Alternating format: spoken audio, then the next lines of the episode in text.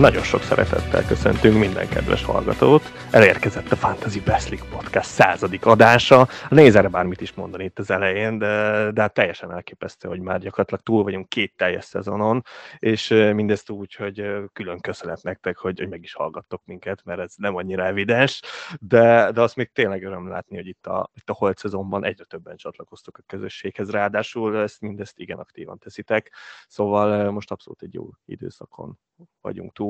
Sziasztok, én is üdvözlök mindenkit. Nehéz, nehéz találni szavakat. Igazából ez, hogy már, már a századik adást vesszük fel, ez teljesen hihetetlen számomra, mert, mert nem olyan régen kezdtük.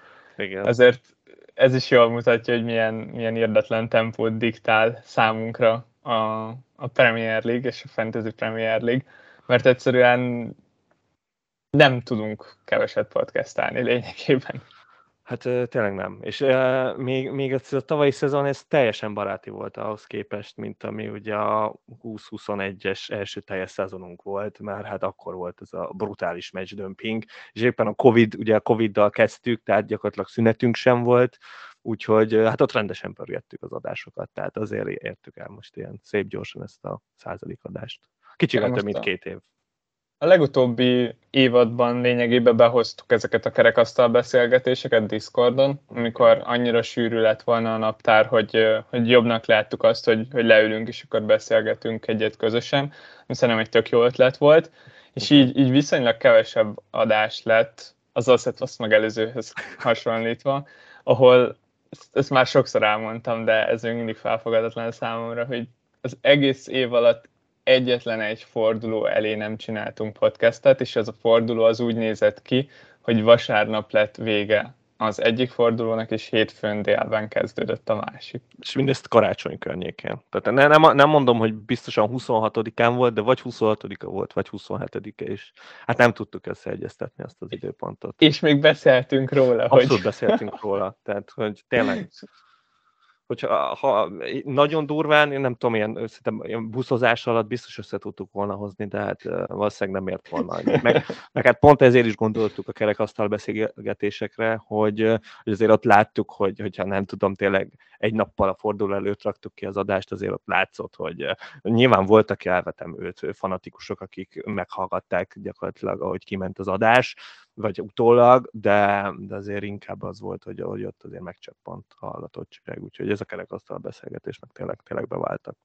És hát ezt az adást ugye a kérdések mentén fogjuk felépíteni, amit uh, ti föltettetek nekünk Discordon. Itt főleg igazából vagy személyes kérdések iránt érdeklődtetek, vagy, vagy focis, és, és akkor még a maradék pedig ilyen popkulturális meg, meg ilyen szabadidős témában lesznek a kérdések, nagyjából ilyen sorrendben is lesznek a, a kérdéskörök, és hát szerintem nem lesz rövid adás, szóval, szóval vágjunk is bele, mert kaptunk jó pár kérdést, és kifejtésre is szorul. Szóval, szóval akkor kezdjük is el, és jött a személyes kérdésekkel, amit Áron tett fel félve, hogy, hogy lehet-e egyáltalán ilyet kérdezni, tehát teljesen nyilvánvaló, tehát ezt pont azért is csináljuk ezt a századik adást, hogy megismerjetek minket, honnan jöttünk, mit csináltunk eddig, és, és hát Levi, át is adom neked a szót. Hát az első kérdés az, az rögtön az, hogy hol és mikor ismerkedtünk meg, és nem tudom, hogy erre mennyire emlékszel. Hát most de... a konkrét napra, az, hogy nem tudom, tehát így, így Jó, hát eseményre... Az évfordulónkat azt én se, én se az, az így nincs meg. Tehát, hogy, hogy ez, ez, ez, ez, bevallom őszintén, 7 évesen erre nem emlékszem, hogy ez hogy történt. Igen, de pont ez az, hogy, hogy ugyebár egy általános iskolába jártunk, már első osztálytól, és amire én emlékszem, az az, hogy, hogy rögtön az első szünetben már együtt játszottunk. Hát ezt, ezt, ezt el tudom hinni, mert, mert valószínű, ez nagyon valószínű. Azt, hogy mivel játszottunk, arra is emlékszel? Nem, nem, csak azt tudom, hogy még ott volt velünk a bot is, igen. és akkor úgy hárman bandáztunk kis, igen, igen, abszolút, megilletődött abszolút, kis friss iskolásként. És ami egészen elképesztő az az, hogy ez, ez már 17 éve volt, és, és lassan 18. Ez nagyon durva. Úristen, lass, mindjárt nem soká 20 éve ismerjük egymást, annyira szép. Meg öregszünk, ez is, ez is mutatja ezt is. Igen, szóval én, én nekem ott így azért, nem, amikor ilyen 7-8-9 éves koromban nem sok emlékem van az a baj. Nem tudom, én, én nekem, és nem azért, mert ittam, vagy nem tudom, hogy itt ahogy szoktak vagy emberek erre hivatkozni, hanem egyszerűen így nem tudom. Tehát vannak emberek, tudom, akik így nagyon jól emlékeznek ilyen gyerekkorukra. Ilyen random élményeim nekem is vannak, de így, tudod, így a hétköznapok hétköznapokra, és az iskolába járása szerencsére az, az a hétköznapokra esett, az nem, abszolút nem hiányosak az emlékeim. Abszolút, abszolút nekem is így van. De így a nagyon erős kezdés után, az első osztály után mi még hat évig voltunk osztálytársak, igen, igen. és aztán leléptél. Leléptem, egyszerűen, egyszerűen nem bírtam már elviselni, hogy ott, ott vagy a környékemben, és egyszerűen rontod az aurámat, nem, hát elmentem hatosztályos gimnáziumban, és, és így törést okoztam gyakorlatilag egy osztálynak, meg, meg hát neked, leginkább neked ezt be kell vallani. Én galád leléptem gimiben, de, de nem, nem nélkülöztük egymás sokáig. Tehát két évet kellett kibírni egymás nélkül, és, és utána jött a gimnázium, és követtél engem. Igen, Csak. igen, utána én négy évfolyamosba jelentkeztem ugyanoda, és akkor ott évfolyamtársak voltunk, meg németen osztálytársak. Ú, tényleg, igen. Szerencsére nem buktam meg, meg tessék időközben, hogy véletlen ne legyünk évfolyamtársak, szóval ezt azért tud, össze tudtuk hozni, és, és igen, évfolyamtársak lettünk. Ja. Ott még például, ja, azokra már emlékszem, szóval az, az, azok, azok az élmények már megvannak, amikor először jött tankönyvosztás, meg ilyenek. Szóval az már abszolút, abszolút mély élményeket hagyott. Igen, és németen különösen jó volt osztálytársnak lenni, mert onnan vannak az első fantasy emlékek. Abszolút. Hát ez, nem voltunk nagy német tanulósok, meg, meg ott, ott az egy olyan német nem is hogy, hogy kell mondani, ez ilyen tankör volt, nem tudom, ugye itt különböző, különböző évfolyamokból oda gyűltek az olyan németesek, akik nem igazán akartak, meg, akik nem akartak németül megtanulni, tehát ezt valljuk be, és sokan voltunk, tehát az egy, az egy olyan gyakorlatilag egy osztálynyi ember volt, és nem is tudta nagyon talán ezt kordában tartani, és, és ott teljesen ki tudott burjánzani az, hogy, hogy ott voltunk egy négyes asztalon, minden négyen FPL-eztünk, és, és, és brutálisan. Tehát ott már vártuk, hogy mikor jön a német óra, és a hétvégéket olyan szépen ki lehetett beszélni, és úgy, hogy nem zavarta meg a tanár, hogy ne beszéltek meg videó, hanem teljesen nyugodtan, hangosan, félelemmentesen lehetett ezt csinálni, és, és baromi jó volt. Igen, igen az egy igen. megalapozta az FPL-es karrierünket, meg szerintem a podcastot is egyébként. Erre még mindig, mindig jó, jó visszaemlékezni, és pont ebből a négyes csoportból lett utána egy messenger beszélgetésünk, Így van. ami elképesztően aktív volt, tényleg hát ahhoz képest, hogy csak négyen voltunk benne, de leg, leg aktívabb beszélgetés volt valaha. Nagyon-nagyon sokat írogattunk, és folyamatosan csak a fociról. Hát és az meg minden. pont, hogy a Discordnak volt az előzménye valahol, az én fejemben mindenképpen. Így van, így Akkor nagyjából eljutottunk a, a jelenkorhoz, így a kis történelmünkben. Utána mind a ketten felkerültünk Pestre, talán ezt nem is mondtam szerintem, de hogy, hogy Kecskeméten nyertunk együtt ja, sulikba. Mellékes információ. Igen. igen. És, és most meg már Pest, Pestre kerültünk, és, és Pesten lakunk mind a ketten. Igen, mind a ketten följöttünk Pestre, egyetem, aztán, hát én, most már, már mind a ketten dolgozunk. Aztán Levinek még az élettanulás is ott van mellette. Igen, de, még, még az igen, sűrű, sűrű, sűrű időszak, tudom ez, de, de amikor meg kimegy a, a tanulás, akkor meg, akkor meg nagyon csilles lesz, mert, mert így a, a, nyilván a munka a helytől függően, de, de szerencsére nekem elég nyugis, úgyhogy így, így a podcastot nagyon, nagyon kellemesen lehet csinálni. Nem tudom, hogyha ilyen nagyon húzós, kemény munkahelyem lenne, akkor hogy férne bele mellette a podcast, de biztos, hogy azért valahogy helyet szorítana, de ott, ott akkor már azért kicsit izgulósabb lenne. Igen, és hát én jó, jó kemény BMS voltam, szerencsére már csak voltam, de összességében azért örültem, hogy a, hogy a BMR-re mentem, mert azért nagy gondolkodás volt, hogy most Óbudai vagy BML legyen, mert hát az teljesen egyértelmű volt, hogy miért neki pálya lesz a nekem való, itt a matek fizikával, és hát így a villamosmérnök maradt, mert hát gépész nem akartam lenni, az autók sose érdekeltek, meg semmilyen kétkezi ilyen gépészeti dolog, aztán igazából, ha meg nagyon megnézi az ember, nagyon más ilyen tényleg nagyon műszaki mérnöki szakma, az már, az már nem, nem olyan sok van, úgyhogy, úgyhogy maradt a villamosmérnöki, meg az olyan volt, hogy így, abban így minden belefér, és az pont jó volt nekem, aki nem tudta, hogy mi akar lenni, és így összességében nem bántam meg, telekommunikációban helyezkedtem el, de nem a Telekomnál vagyok, mint mindenki ebbe, a, ebbe az országban, ezen a, ebbe a szakmába, de, de majd, hogy nem a Telekom lányvállalatánál félig meddig, és hát ez már állami cég, és hálózatfelügyelettel foglalkozom, ami, ami mellett tényleg mindenre van idő, hogyha éppen sikeresen és jól működik a hálózat. Úgyhogy nem panaszkodom. Igen, én a BGN tanulok, és, és nagyon hasonlóan hozzád igazából az érdeklődési köröm az meghatározta azt, hogy utána később mit szeretnék tanulni. Annyi, hogy nálam a fizika az, az nem követte ilyen szorosan a matematikát. Szóval, szóval én így pénzügy és számvitel szakra jelentkeztem, és ezt, ezt a szakot hallgatom még aktívan. És hát emellett dolgozok gyakornokként, pénzügyi gyakornokként lényegében, ami, ami meg szuper. Ha jöttél volna velünk fizika faktor, akkor lehet, hogy teljesen másképp érezni. Igen, akkor lehet, hogy nem végzem el a gimnázium. igen, igen, hát a fakton két, két vagy három egyessel kezdtünk, úgyhogy igen, az egy elég erős mély vízbe dobás volt, de, de megtanultunk. Tehát nekem egyetemen már nem kellett nagyon fizikát tanulni szerencsére mellett. Említetted, Máté, hogy milyen éles a memóriát, szóval meg kell dolgoztatnod magad. Igen, ez baj, Mert a következő lesz. kérdés az, az arról szól, hogy, hogy hogyan is lettünk te Arsenal, én pedig Manchester United drukker, és hát ez régre nyúlik vissza, ezt hát, tudom. Rohadjak meg, én ezen gondolkoztam a legtöbbet, és, és, és nem tudom. Tehát, hogy elmondom, hogy mik, miket tudok. Még mik, igazából itt a focival kapcsolatos élményeimet elmondom, és akkor nagyjából összerakjuk. És akkor remélem, hogy valaki látja benne a kapcsolatot, és, és akkor elküldi nekem, vagy megírja. Na mindegy. A lényeg a lényeg, hogy az első emlék, ilyen focis emlék, ami nagyon mélyen emlékszem, az a 2004-es EB. És arra emlékszem, hogy nagyon szurkoltam a nek, és kikaptak a görögöktől, és akkor nagyon sírtam ez abszolút megvan. Ez, ez egy stabil emlék, ami, ami nagyon megvan.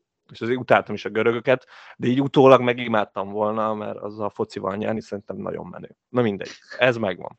Aztán utána, hát eleve nálunk e, ilyen nagyon sok sportadó nem volt otthon sokáig, ez 2006-ig igaz volt és 2006-ban lett gyakorlatilag minden sportadónk, ami lehetett a Földön, és nálam onnan datálódik ez a nagyon durva foci őrül, VB-re is nyilván nagyon emlékszem, meg nyilván a BL döntőre, amit az Arsenal játszott, de, de maga a meccsek, legalábbis a csoportmeccseket, azt emlékszem, hogy ezt újságból olvasva nézegettem, és akkor tudod, akkor még, még tudod, láttad a Leont, és akkor az nálad nem Leon volt, hanem Ion, meg társai, és akkor, és akkor így ezeket így olvasgattad, és akkor nyilván most nem tudom az újságból, hogy lesz árzászurkó, de nyilván sehogy valószínűleg.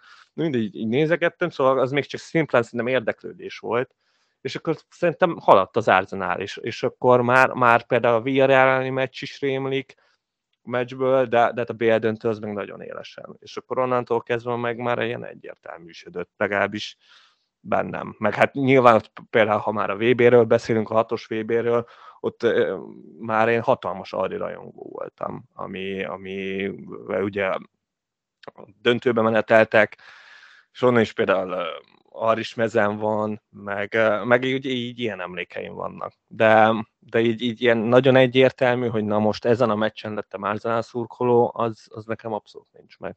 Nem, hát ez, ez esélytelen is szerintem. Hát de sok ilyen sztorit hallottam. Nekem, hogy... nekem sincs meg ez a, a konkrét, hát, konkrét élmény. Hát de sok, én nem tudom, hogy mit a púlosoknál hallottam, hogy nem tudom, látta a 2005-ös BL döntött, és akkor úna, akkor lett Liverpool szurkoló, vagy nem tudom, a United-eseknél is ez elő szokott fordulni, hogy van egy meccs, és akkor azután, de nem tudom. Tehát, hogy nekem tényleg... Nálam, nálam szerintem ennél egyszerűbb lehetett. Én, én valamivel később kezdtem el focit nézni. Én arra is emlékszem, hogy, hogy nagyjából azért kezdtem el nézni, mert mert téged érdekelt, és akkor utána akkor én is elkezdtem nézni és, és hát igen, valamivel később, szóval nekem 2004-es elvéről semmi, semmilyen ilyen emlékem nincs. Az első torna, amiről van emlékem, az a 2006-os VB, de ott is inkább a, a vége feléről, főleg a döntőről.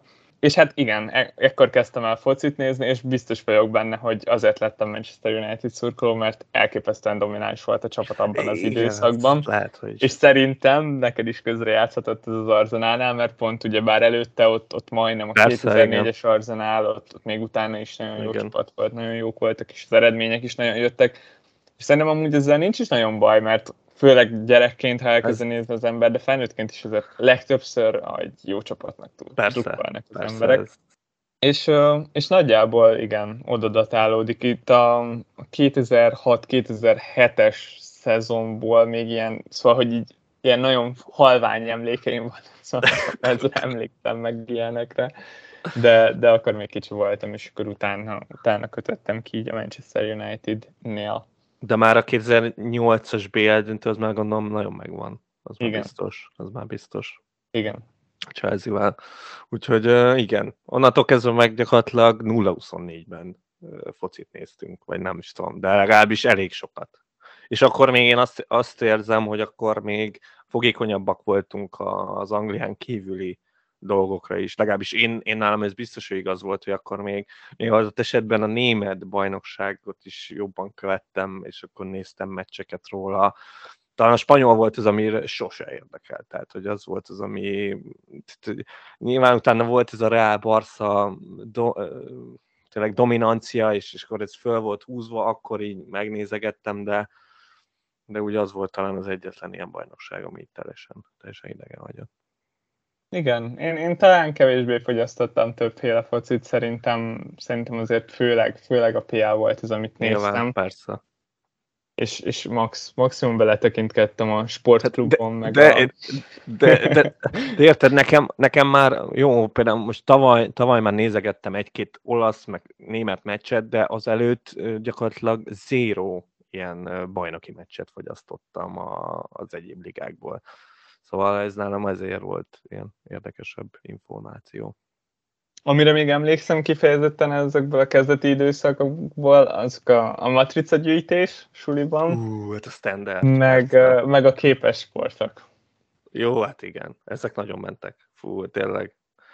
Így van. Hát, meg hát nyilván a pószterek a képes sportból. Igen, és nekem volt a falomon, annyira kitaláltam, hogy a képes sportos pósztereimből összeraktam egy 11-et a falomra a, a szobámban, és, és lényegében az már úgy nézett ki, mint egy, egy fantasy csapat, vagy legalábbis így össze voltak válogatva a játékosok, hogy legyen meg a négy védő, és legyenek meg a szélső védők, és azt szerint voltak fent, volt egy ilyen falam a szobámban, ez nagyon menő volt.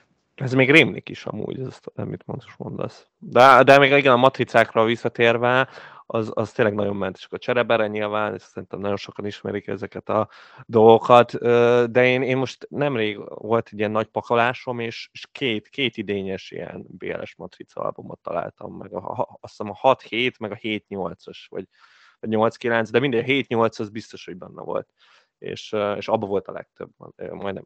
Láttam, hogy öt csapat is kigyűlt, és nagyon büszke voltam magamra, hogy mennyi pénzt elverhettem erre a nyáméktól. Jó buli volt, jó buli. Na, és uh, szerintem ezzel nagyjából lezártuk ezt, hogy hogyan lettünk United meg Arsenal szurkolók. Uh, nem biztos, hogy ilyen hatalmas információt uh, sikerült ezzel kapcsolatban elmondani, de azért mondom, hogy ez ilyen kicsit ilyen kalambós, de hogy, de hogy hát, ha segít ezen még tovább, az, hogy érkezett egy ilyen kérdés, hogy ki a kedvenc játékosotok, és, és ezzel na, hasonlóan vagyok, mint majd később lesz az, hogy a kedvenc filmekről kell beszélni, és ezért úgy voltam vele, hogy ezt kicsit szétszedem, hogy akkor legalább több emberről lehessen beszélni, hogy ne csak tényleg egyről, így, így akkor úgy voltam vele, hogy akkor ha már te úgyis United-es vagy, akkor, akkor mondj, mondjuk, mond, én megengedem, hogy mondják két nevet Ferguson alatti időszakból, meg mondja egyet az utána lévő időszakból, és akkor három nevet is tudsz mondani United játékosból. Pedig hármat akartam mondani, de pont fordított Tényleg? felosztásban. Igen, igen, azért, mert a Ferguson érából gondolkodás nélkül Rooney-t mondom. ő nagyon nagy kedvencem Igen, volt, és őt, őt mindenkinél jobban szerettem, és nagyon-nagyon drukkoltam neki, és, és egyszerűen ott, ott lényegében kérdés nélkül az első játékos, aki eszembe, az eszembe jut. Míg a Ferguson utáni időszakból ott, ott egészen szoros a verseny, mert, Na. mert bár nagyon rossz idők jöttek Ferguson után, de, de jó játékosokból egyébként nem volt hiány. És Rashford az egyik név, akinek a sztoria az szerintem még most is felfoghatatlan, hogy ő, ő hogyan, ahogyan betört a, a profik közé, és ahogyan megérkezett, az, az, az nagyon nehéz összehasonlítani bármivel is. A másik az meg Fernándes, és őt azért imádom nagyon, mert, mert egészen döbbenetes volt az, amit hozott a csapatba, amikor megérkezett, és az első másfél szezonjában olyan mértékben vitte hátán a csapatát, ami, ami barom jó volt nézni is, meg átélni is United szurkolóként, és, és ott megint picit azt tudtam érezni, hogy van egy csávó, aki, aki bármit meg tud tenni.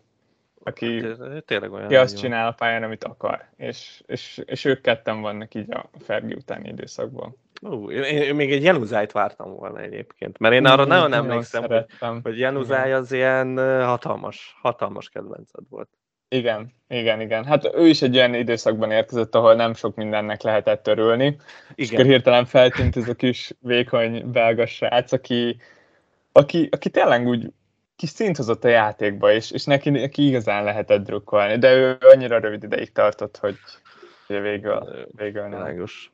Világos. Uh, hát nálam ugyanez van nyilván Wengerrel, csak hát uh, nyilván a, a Wenger utáni időszak az gyakorlatilag a mostani 11, tehát hogy ott, ott nyilván még van egy-két ember, de, de nem sok. Hát a Wenger alatt ott nagyon nagy bajba vagyok, tehát ott, ott van jó pár nevem, van egy egyértelmű, tehát van, van olyan, aki, akit az egyértelmű kedvenc, és, és kérdés nélkül a játéka, az egész mentalitása, a hozzáállása, a szerénysége tényleg, az egyértelmű, hogy Santi Cazorla, tehát hogy nálam ő a non plus ultra, tehát eleve, amit ő a pályán csinált, meg, meg, meg tényleg, tehát hogy, hogy ott nem lehetett nem szeretni.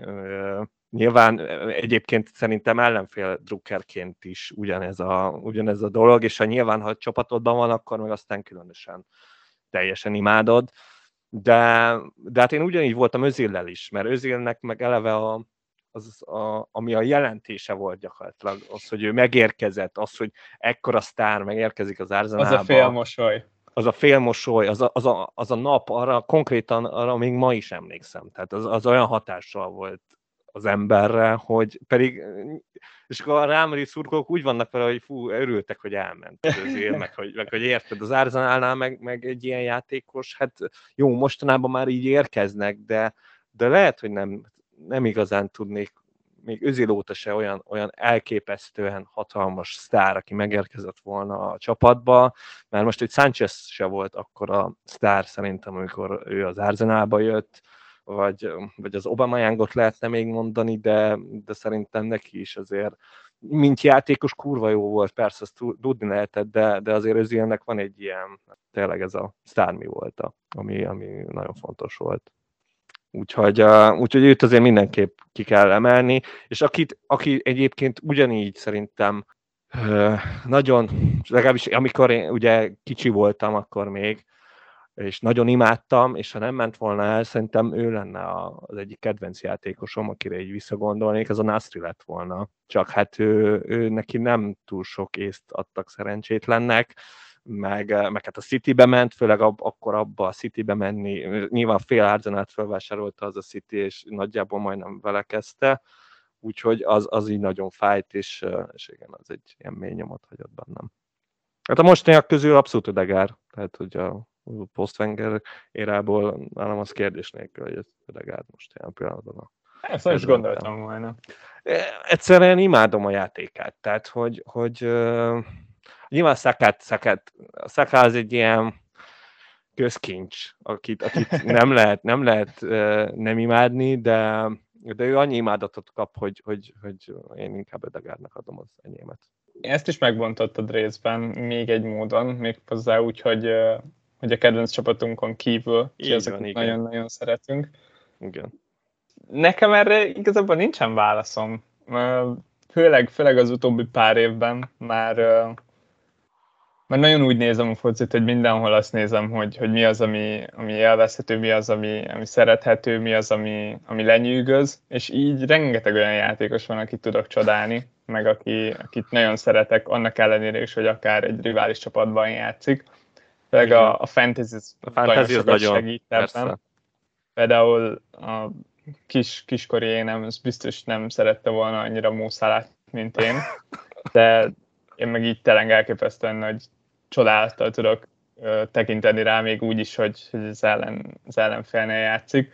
Nagyon sok, sok ilyen játékos van, és, és, és közben meg nagyon kevés, szóval, hogy senkihez sem tudok úgy, úgy kötődni mondjuk, Igen, mint hogyha United játékos lenne. Ellenben nagyon sok játékos tudok értékelni. Én, én abszolút, én, én, én ezen is nagyon sokat gondolkoztam, és, és igazából én egyértelmű nevet nem tudtam mondani. Tehát, hogy uh, nyilván, hogyha azért az Arsenalon kívül van, akkor, akkor maximum tényleg csodálni tudod, meg tisztelni adott esetben. Én, én például ilyen gyerekként nagyon-nagyon imádtam azokat a játékosokat, akik, akik végighúzták egy klubban, és akkor nyilván, amikor uh-huh. már mit tudom, elkezdted nézni, és akkor nem tudom, 34 éves volt, és tudtad, hogy egy klubban volt, és és akkor már tudtad, hogy úgyse fog eligazolni, és már még akkor is nagyon nagy spílerek voltak, főleg olaszban voltak nagyon sok ilyen, ilyen játékos, és ezeket mind imádtam. Tehát itt Totti, Di Natale, ezeket mind, mind tényleg imádtam. És hát most meg igazából a spílereket, most ha, ha itt tényleg át kéne gondolnom, akkor mindig ilyen Zaha és, és társai, akik, akikért tényleg tudok rajongani, de, de az nem, nyilván nem ugyanaz. És hát még egyet gondoltam, ami még, még érdekes lehet, hogy a kedvenc magyar játékos, így all time, amit lát, látott az ember. De azt gondolom, hogy egyet fogunk mondani, vagy legalábbis én azt érzem ebben. Nagyon nehéz, megint tényleg azért, azért viszonylag szerencsés helyzetben vagyunk abból a tekintetből, hogy, hogy jó sok, hogy sok jó magyar játékost láthattunk. Sok, igen. Jó, jó sok volt, ilyen extra klasszis nem nagyon jutott. Én, én Geránál jobbat nem láttam. E, e, én, én is ugyan, ez teljesen szóval egyértelmű. Tehát, ő, ő egészen különleges volt és, és remélem, hogy, hogy láthatunk még majd nála jobbat, mert akkor az, az nagyon jót jelent a válogatottnak de ő lenyűgöző volt, tényleg. Hát ő benne tényleg az, hogy hosszú volt, távon. Hogy a, füle, fülemben ott volt. Van. Hát egyébként nekem még, aki, akit tényleg imádtam és csodáltam, és, és egyébként őt tartottam a legjobb uh, magyar focistának, nekem a Huszti volt. Én a Husztit tényleg őt, őt tudtam csodálni, hogy a Hannoverben játszott, és akkor tényleg az volt, hogy ő ott ilyen Bundesliga elit játékos volt, Igen. olyan, mint a Zaha. Tehát, hogy így, így mindenki tudta, hogy, hogy rettegtek attól a gyerektől. Olyan ballába volt, hogy hihetetlen. És ő is azért egy jó pár évig ezt a szintet tudta tartani. A következő kérdés az az, hogy mi volt a legemlékezetesebb futballélményünk, illetve hogy a legemlékezetesebb mérkőzés, amit láttunk. Igen. És én ezt direkt akkor ketté bontottam, meg hát nyilván ez két külön kérdés is érkezett, és, és örültem is neki, mert így azért külön lehetett választani ezt a kettőt. Bár van egy olyan válaszom, ami mindkettőre igaz, sőt, valamilyen az a, az, az egyértelmű válaszom. És, és hát az a, az a 2014-es FA Kupa döntő, amikor, amikor együtt voltunk Levivel, Levi eljött egy árzanos rendezvényre, Manchester United szurkolóként Pestre, és hát ugye akkor még Kecskeméten tanultunk gimiben, és följöttünk Pestre, és, és hát ugye ez volt az a szomorú kilenc évet megtörő kupagyőzelem, ami, ami önmagában a meccs is eléggé, ez pont úgy volt megírva, mint, mint nagyjából a Citynek a bajnoki címe, hogy ez az Aguero, vagy akár az idei bajnoki címe, hogy, hogy ez így nem hiszed el, hogy most ez miért, miért így történik, miért nem egy sima két 2 0 meccs a Hull City ellen, miért kell 2 0 fordítani, és akkor ez, ez mindig így úgy tudom magyarázni, hogy ez, ez így volt megírva és, és hát nyilván az, hogy tömegben nézte az ember a meccset, az, hogy nyilván maga a meccs is, szóval ez, ez gyakorlatilag mindkettőre érvényes tud lenni. Ja, szóval hát nekem ez abszolút. Tényleg nagyon jó, jó meccs volt, és nagyon jó volt nézni, és az útvengeresek szervezték ugye bár igen, ezt igen. a meccsnézést, amire elmentünk, és barom jó volt a hangulat. Szerintem az a legrégebbi emlékem, ahol, ahol így effektíve uh, angol ilyen csenteket hallottam. Igen, igen, igen, igen, igen. Élőben, Abszolút, úgy, igen. úgy tényleg torkokból. és, és nagyon szuper volt, nagyon vicces volt, nagyon furcsa élmény volt arzenálosok között látni, mert nagyon drámaian indult a meccs, ott nagyon rosszul nézett ki nagyon sokáig. és, és, és utána még, még így viszonylag külsősként is amúgy nekem is nagyon nagy élmény volt. A legeslegemlékezetesebb meccsre, ami, ami számomra a legemlékezetesebb, arra most nem szeretnék válaszolni, mert, mert szeretném, hogyha ezt majd később feldolgoznánk egy adásban. Mert van egy jó sztorink. Van, abszolút. Olyan, amit, amit tévében láttam, az pedig viszonylag meglepő lesz, mert ez nem egy, egy kupadöntő volt, és talán nem bírt ekkora téttel az a mérkőzés, vagy talán mégis, de az a, a Manchester United Manchester City volt, és, és az, amikor 4-3-ra nyert az, az Old Traffordon a United, amikor Owen lőtte az utolsó gólt, és, és előtte Belámi bolondította a United védőket, az egy, az egy bődületesen fordulatos meccs volt, meccs volt és, és egészen, egészen döbbenetes volt a végjáték, szóval ott, ott megőrültem, amikor, amikor az ingyen igazolt Michael Owen. hát de ott a Hargravesnek is nagy meccse volt, nem? De abban már nem vagyok biztos. Lehet, hogy az másik eh, United City volt, de arra emlékszem, hogy a Hargraves talán szabadott be. Szerintem az egy másik volt, egy mert másik, igen. volt egy, amikor a hozott, hozott szabadrugás gólt igen, igen, igen, igen. a Hargraves, de az, az talán egy kettő-egy volt, vagy legalábbis igen. nem ez a meccs volt, ha jól emlékszem. Hát. Hát, De ez, ez kiskoromban teljesen letaglózott ez a, ez a 4-3. Hát ezt gondolom, de hogy tehát például ez, hogy egy legemlékezetesebb mérkőzés, erre nekem, mint Arsenal szurkolóként rögtön, én, valahogy nekem a legrosszabb ö, meccsek jutnak eszembe. Tehát az is emlékezetes, mert, mert hogyha most belegondolsz, mindig mindig eszembe jutnak, vannak meccsek, ahol emlékszem, hogy így beborult az agyam, és így nem hittem el, hogy ez megtörténhet, és az kettő ilyen egyértelmű van, ráadásul egymás után volt mind a kettő, az nyilván hát a, a Liga Kupa döntő, Obafemi Martin székkal, a Birmingham City ellen, az, az egy olyan élmény, ami, amit nem tudok kitörölni. Tehát, hogy, hogy az, az egy olyan foci élmény, hogy így nem hiszed el, hogy ez így megtörténhet. És utána volt azt hiszem a, a Newcastle elleni meccs, amikor 4-0-ról így, tudod, így, az ember így nézi, és így jó, lőttek kettőt, oké, okay, belefér. Hár, és akkor amikor, tudod, amikor belevik a harmadikat, akkor tudod. Akkor már tudod. Akkor teljesen mindegy, és, és jön a 4-4. Szóval, a Joey Bartonnak volt nagy meccse. Ott a Joey Bartonnak kurva nagy meccse volt, az biztos, de, de, hogy, de, hogy, de hogy nekem ezek, ezek abszolút ilyen negatív meccsek jutnak sokszor először eszembe ilyen, ilyen szituban igen, ez, ez szerintem valahol a, a hosszú, hosszú éveken át tartó örlődés és, és kihívásokkal teli időszak talán így lesz. Abszolút. Ezért, mondta, ezért, is, ezért is az az FA kupa döntő, az, az azért volt több, mint egy kupa döntő, mert, mert ott tényleg az Arsenalnál egy, egy egészen Hát volt nagyon kellemetlen időszak. Ezt látjuk az, az látszik. utána lévő. FA kupa Utána is. meg már beadta a gép, akkor is, mikor nem kellett volna Úgyhogy igen, tehát ez, ez kicsit ilyen ez a foci. Következő kérdés az Angliára vonatkozik, pedig az a kérdés, hogy hol voltunk Angliában, és hogy milyen stadionokat látogattunk meg. Hát én többször voltam Londonban, meg én többször voltam az Arsenal stadionban, de meccsen csak egyszer voltam, de előtte nyilván volt ilyen stadion túra, meg nem tudom mi úgyhogy, úgyhogy nekem London az, az sokszor játszott, aztán meg volt levéve itt egy közös trippünk, amikor meglátogattuk Southampton-t is, és, és hát a stadionok esetében meg, meg hát nyilván akkor voltunk a St. Mary's-ben, voltunk, voltunk együtt a, a London stadionban, a West Hamnél, a Craven Cottage-on, a Fulhamben, és, és akkor én még voltam Arsenal meccsen, szerintem Angliában ez, ez, ez a négy meccs volt, amit, amit láttam. Kívülről megnéztük a Stanford Bridge-et. Igen, persze, hát ott el kellett menni, meg, vagy venni kellett egy kis meszt. Nyilván nem, nem mi vettük, hanem uh, a tesz kolléga. De igen, láttuk, nagyon szép volt. Igen, az említett stadionok azok, amiket én is el tudnék sorolni. Uh, még nem voltam az Old Traffordon, ami, ami óriási nagy hiányosság, de ezt, ezt majd, majd minél hamarabb pótolni tervezem. De a Craven Cottage az nagy élmény, szóval, hogy az, mert azért stadionokban, főleg, hogy mit tudom én, az ember, nem tudom, elmegy a puskásba, vagy, vagy bármilyen ilyen modernebb stadionba, nagyjából úgy kell elképzelni, mint a, Lond- a London stadion az teljesen olyan, de, de a Szent Mary's is igazából egy, egy ilyen viszonylag modernebb körülmények közötti stadion, de hát a Craven Cottage, tehát hogy ott, ott eleve nekem az volt a leg ilyen emlékezetesebb élmény, hogy, hogy olyan kicsi volt maga a bejárat is, hogy, hogy tényleg egy nagyon túlsúlyos ember nem tudom, hogy, hogy fér be. De tényleg ez abszolút már. És amögött a kapu mögött ültünk, amelyikre ollózta a golját Gera a United ellen. Így van, így van. Na és Levi, mi a véleményed az egyéni díjakról? Illetve a szezon csapatairól, válogatásokról? Igazából erről a legérdekesebb talán, amit el tudok mondani, az az, hogy, hogy mennyire fontos itt is, mint mindenben a kontextus.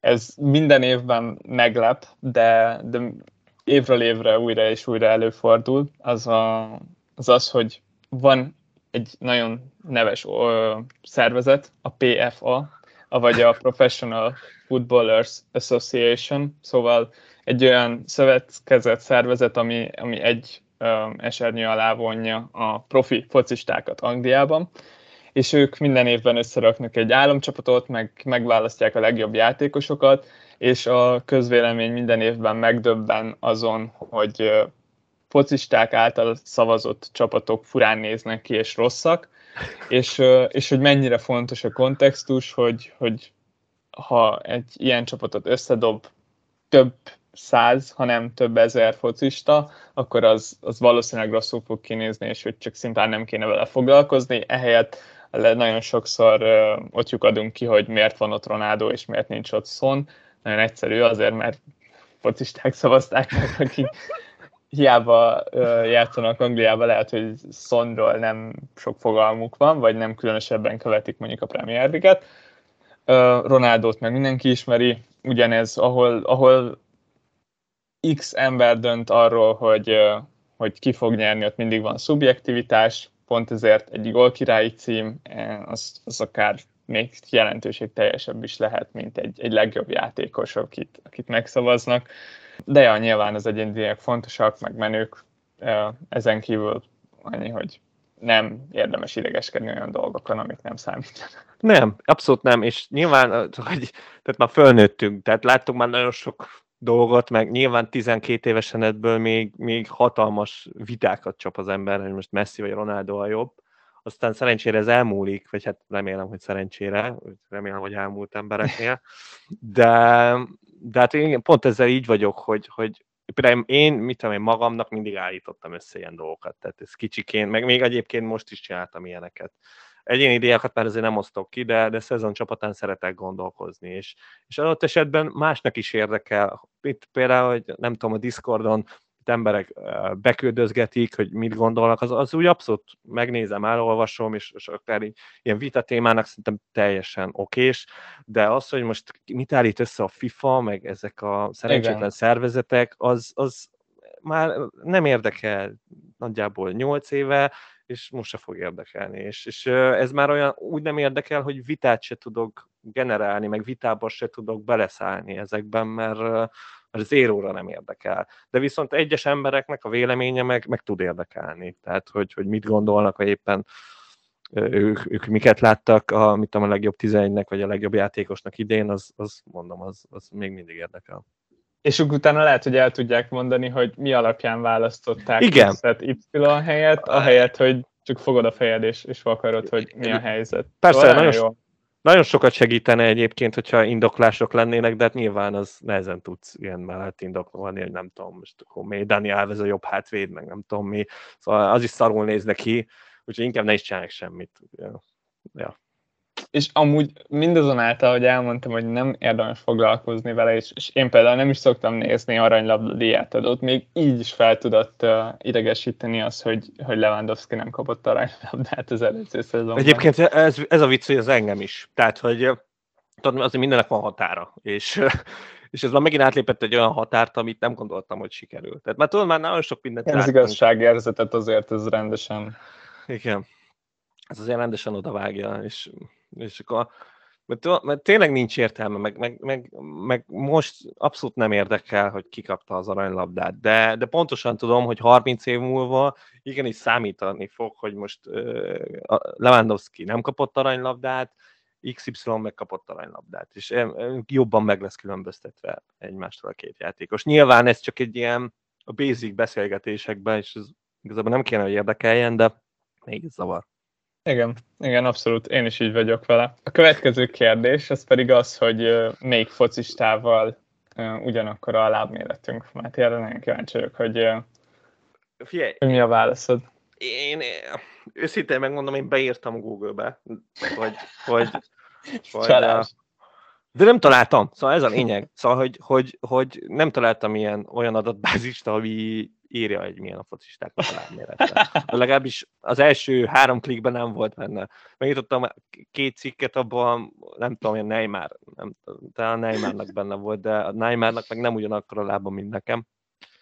Úgyhogy plusz ugye az angol méret volt rajta, ugye ki kellett keresnem, hogy mi az angol méretem, szóval eh, több időt töltöttem el vele, mint gondoltam volna, és még nem tudok választ adni, de még cserébe azt mondom, hogy a Ben White, a Tomiyasu, meg a Jesus hármasból az egyiknek biztos, hogy ugyanakkor. Szóval ennyit tudok hirtelen válaszolni erre a kérdésre. Én, én ennyire szofisztikált Választ nem tudok adni. Bevallom, kevesebb kutatómunkát végeztem el a kérdés kapcsán. De, de azért, mert viszonylag lehetetlennek éreztem, ugyanis szerintem nekem meglepően kicsi a lábam ahhoz képest, hogy milyen magas vagyok. Mert én 190 centi vagyok, de 43-as a cipőm. Ami, ami no, szerintem... Vágom, vágom. Az, az ki abszolút, mert én nekem inkább 44-es cipőjeim vannak, de én 44-43 között vagyok és ugye alacsonyabb vagyok nálad. Igen. Igen, szóval, szóval nem, nem nagyon tudtam dűlőre jutni, de szerintem, szerintem talán Tarkovsky lehet a legközelebb hozzám. Tarkovsky nem Én erre jutottam. Meg Tarkovsky... ő picit hasonlít is rám, és akkor így... Igen, így... ez nem rossz. Nem rossz. Ja, arra gondoltam, hogy, hogy lehet, hogy, hogy vele, vele tudnánk cipőt cserélni egy meccsen. Igen, de én adtam ezt a kérdést, szóval az ilyen VTF kérdésnek ez pont jó volt. De még lesznek, szóval nem kell alkodni. A, a következő az az, hogy ki az a játékos, akit soha semmilyen körülmények között nem raknánk be a csapatunkba, akkor sem, hogyha ingyen lenne, és arra nyugodtan mondhatod azt is, hogy ki az, akit az Arzenálban nem lehetnál, és ki az, akit az FPL csapatodban nem raknál be soha, akkor se, ha ingyen lenne. Hát a Nikola Pepe lenne az, de ő az Arzenálban van. szóval így ez, ez megbukik ez a dolog. Hát Neil Mopé, Neil Mopé az százszerzelékig ezek közé tartozik, hogy, hogy így soha az életben nem akarnám a csapatomba látni. Egyébként arra jöttem rá, hogy az, én azokra a csatár, csatárokra vagyok nagyon pipa, akik nem tudnak befejezni, úgyhogy Jesusnak föl kell kötni a gatyáját, mert ért, szóval, hogy persze már elmondjuk azt, hogy mezőnycsatár, de azért vannak azok a csatárok, akik se nem mezőnycsatárok, se nem tudnak befejezni, és, és szerintem az a futballnak a legrosszabb. És ezért például az Oli Watkins is egy ilyen játékos, akit nem, szeretnék a csapatomban látni. De ezek az FPR is igazak teljes mértékben, tehát ez rezonálnak rá. Nehezen jutott eszembe bárki is, mert ez az izzó gyűlölet most már kevésbé a bennem. Há, igen, én is így voltam Játékosok velem. iránt. Aztán most, amiatt meséltél arról, hogy ki az, aki nem tud befejezni, meg ki az, aki nem tud labdára rugni, most jutott eszembe a Connolly, aki, aki a Brightonban játszott. Ő volt az a játékos, akit megláttam, és egyszerűen tudtam, hogy ő nem az a szint. Egyszerűen... De őt valamiért nagyon gyűlölted. Igen, de, igen. De én nem értem, hogy miért. Viszonylag indokolatlan. Azért, mert nem volt képes focizni, és úgy, úgy zavart, hogy ő Lőtt két gólt a igen, pontosan, és valószínűleg ez ezért kapott öttel több meccset, mint amennyit Többel, többel, jóval többel, mint öttel.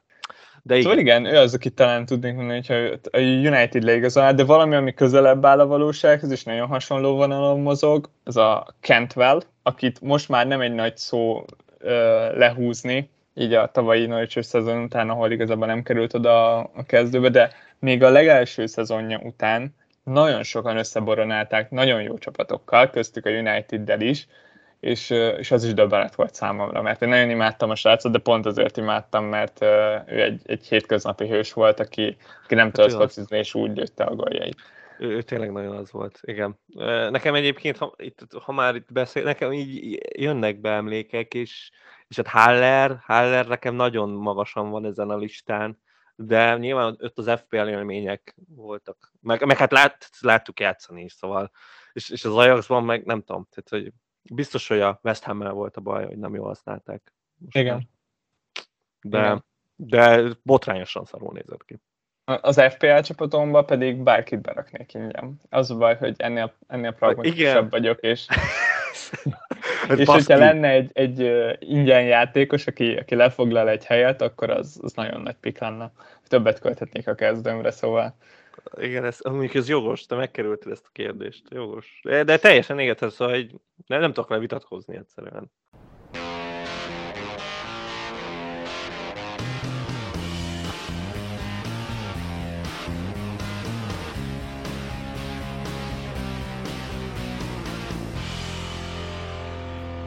egyszerűen. És hát a focis kérdések végére értünk, és átfordulunk a popkulturális és szabadidős dolgokra. És hát itt Pék Tamás rengeteg kérdést föltett, ilyen vagy-vagy kérdéseket, aztán utána páran folytatták, de hát azok mondjuk elég kemények lesznek.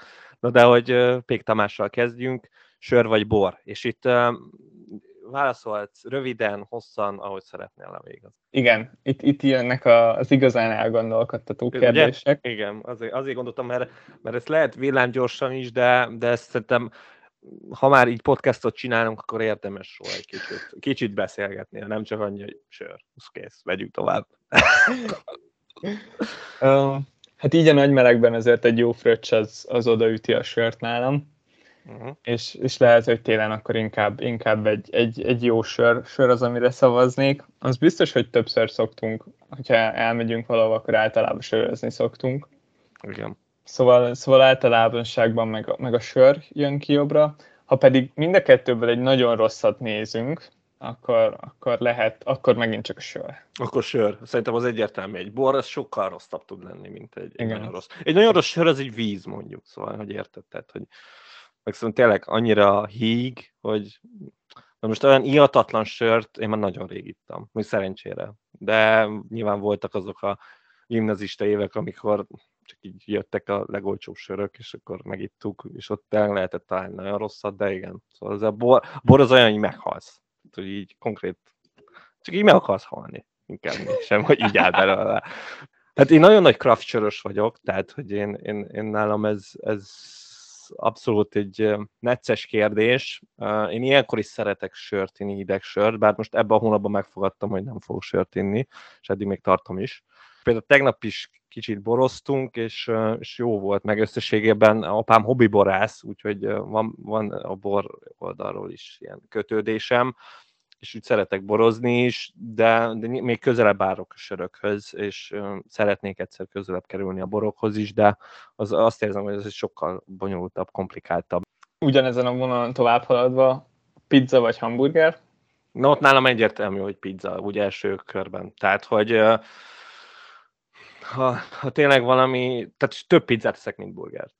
Ez szinte biztos. De attól függetlenül imádom a jó burgert, tehát hogy, hogy az, az, az abszolút bennem van, és azt, azt inkább így meghagyom ilyen, nem tudom, hogy ilyen kellemes alkalom, amikor így nem tudom, így belünk itt tök jó helyre, és akkor meg, megenni egy tök jó burgert, annak nagyon jó flash van, de így, így hétköznapi szinten inkább akkor nem tudom, pizzát eszek. Meg úgy, úgy összességében azt jobban itt szeretem szerintem.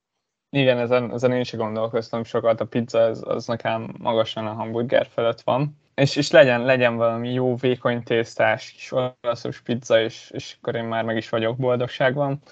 Uh, ugyanígy, így, ja, a hamburger tök jó, de, de a pizza az verhetetlen. Hát ez tény, ez tény. De hát nem, nem a Mekibe kell burger tenni. Az mondjuk egy nagyon fontos uh, kritérium ennek az egésznek. Hát főleg, hogy most már 1000 forint a sajtburger menü. Hát ez az passz meg amúgy hihetetlen. Ja. Hova jutottunk? Tehát nem. Ez, ez, ez feldolgozhatatlan számomra, de hát itt tartunk sajnos. Na és gulyás vagy pörkölt? Pörkölt. Ez, is, ez egyértelmű. De ez egyértelmű. annyira egyértelmű, hogy tehát a gulyás, főleg tehát nálunk, legalábbis még itthon, mikor itthon kajáltam, meg a mamámnál, akkor mindig az volt, hogy hogy így, tudod, így megmaradt a pörkölt, így, ilyen nagy, tudom, szülőnap után, és tudod, így megmaradtak a pörköltek, és akkor mindig az volt, hogy apám mondta mamámnak, hogy na majd akkor szerdán csináljál belőle gulyást. És akkor tudod, nálam ez mindig úgy volt, hogy így, így ez ilyen lepattanó, érted? Tehát, hogy így, tudod, amikor már nem tudod megenni, és akkor, akkor meg már sokadik napos, akkor belefűzött a gulyáslevesbe, és akkor úgy, úgy jó, és akkor megeszem a gulyásleves, de hát azért egy jó pörkölt, hát ez olyan messze van. Pedig én nagyon, én nagyon leveses vagyok, de, de nem, szóval egy, egy pörkölt az mindenek fölött.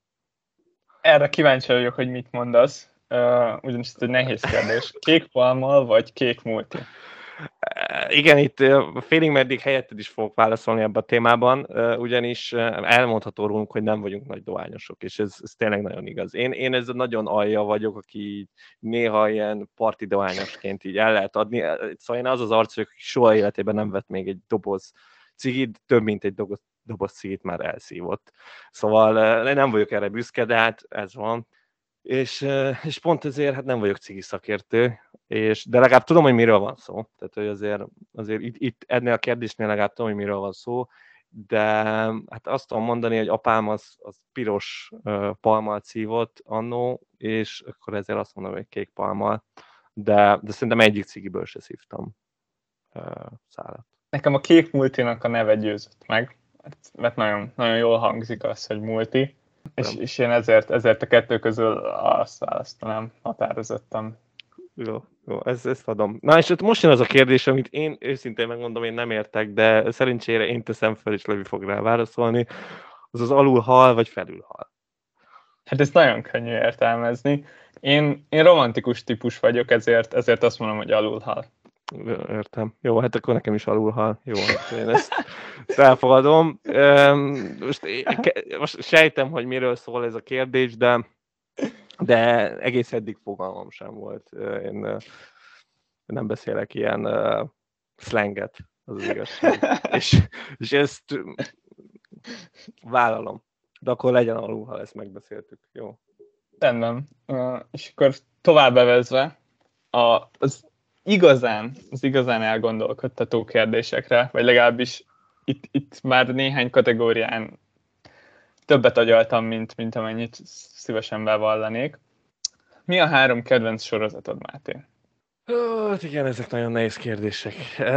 Az a bajom ezek, tehát hogy, hogy minden ilyen, ilyen popkult kérdéssel az a bajom, hogy, hogy a, ilyenkor az ember visszamegy ilyen 16-18 éves korsávban, és, és akkor, ami azok tetszettek, még ma is azok tetszenek, tehát azok, azoknak nem változik nagyon, de ugye azoknak annyira mély ez a, a, ez a kedvelési fak, igen, hogy, hogy bármilyen újabb jön, az, az egyszerűen nem, nem tudja ezeket felülvégezni. És, és az olyan, hogy nem én, nem én vagyok ezzel egyedül, de, de közben ez, ez, ez ilyen, ilyen kellemetlen dolognak érzem egyébként.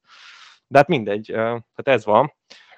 De viszont én nálam ezt hozzá kell tenni, hogy én, én, én voltam az az ember, akik levék nagyon utáltak azért, hogy én, én eldöntöttem, hogy a filmek kurva jók, igen, de hogy sorozatok, á, sorozatok azok szarok. Szóval a sorozatok azok vállaltatnak. Én nem fogok sorozatot nézni, meg hosszú, meg hogy adjál már, mindig csak szarok. És akkor én voltam ez az ember, de szerencsére rájöttem, hogy ez nem így van.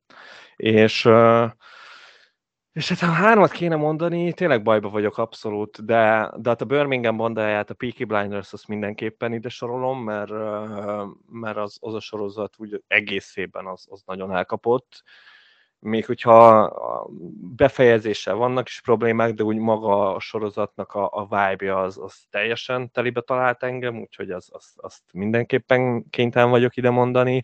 A Breaking Bad az szerintem az abszolút a legjobb sorozat, amit így gyártottak valaha, szóval azt se tudom kihagyni, és akkor a harmadiknak meg nagyon-nagyon küzdöttem, hogy most berakjak egy szitkomot, az Office-t, vagy berakjak egy, berakjak egy, egy olyan sorozatot, amit megint csak nagyon szeretek, konkrétan szerintem a kedvenc sorozat évadom innen van, az pedig a Fargo, és, és hát legyen szitkom, mert akkor tényleg széles paletta legyen, úgyhogy akkor legyen az Office.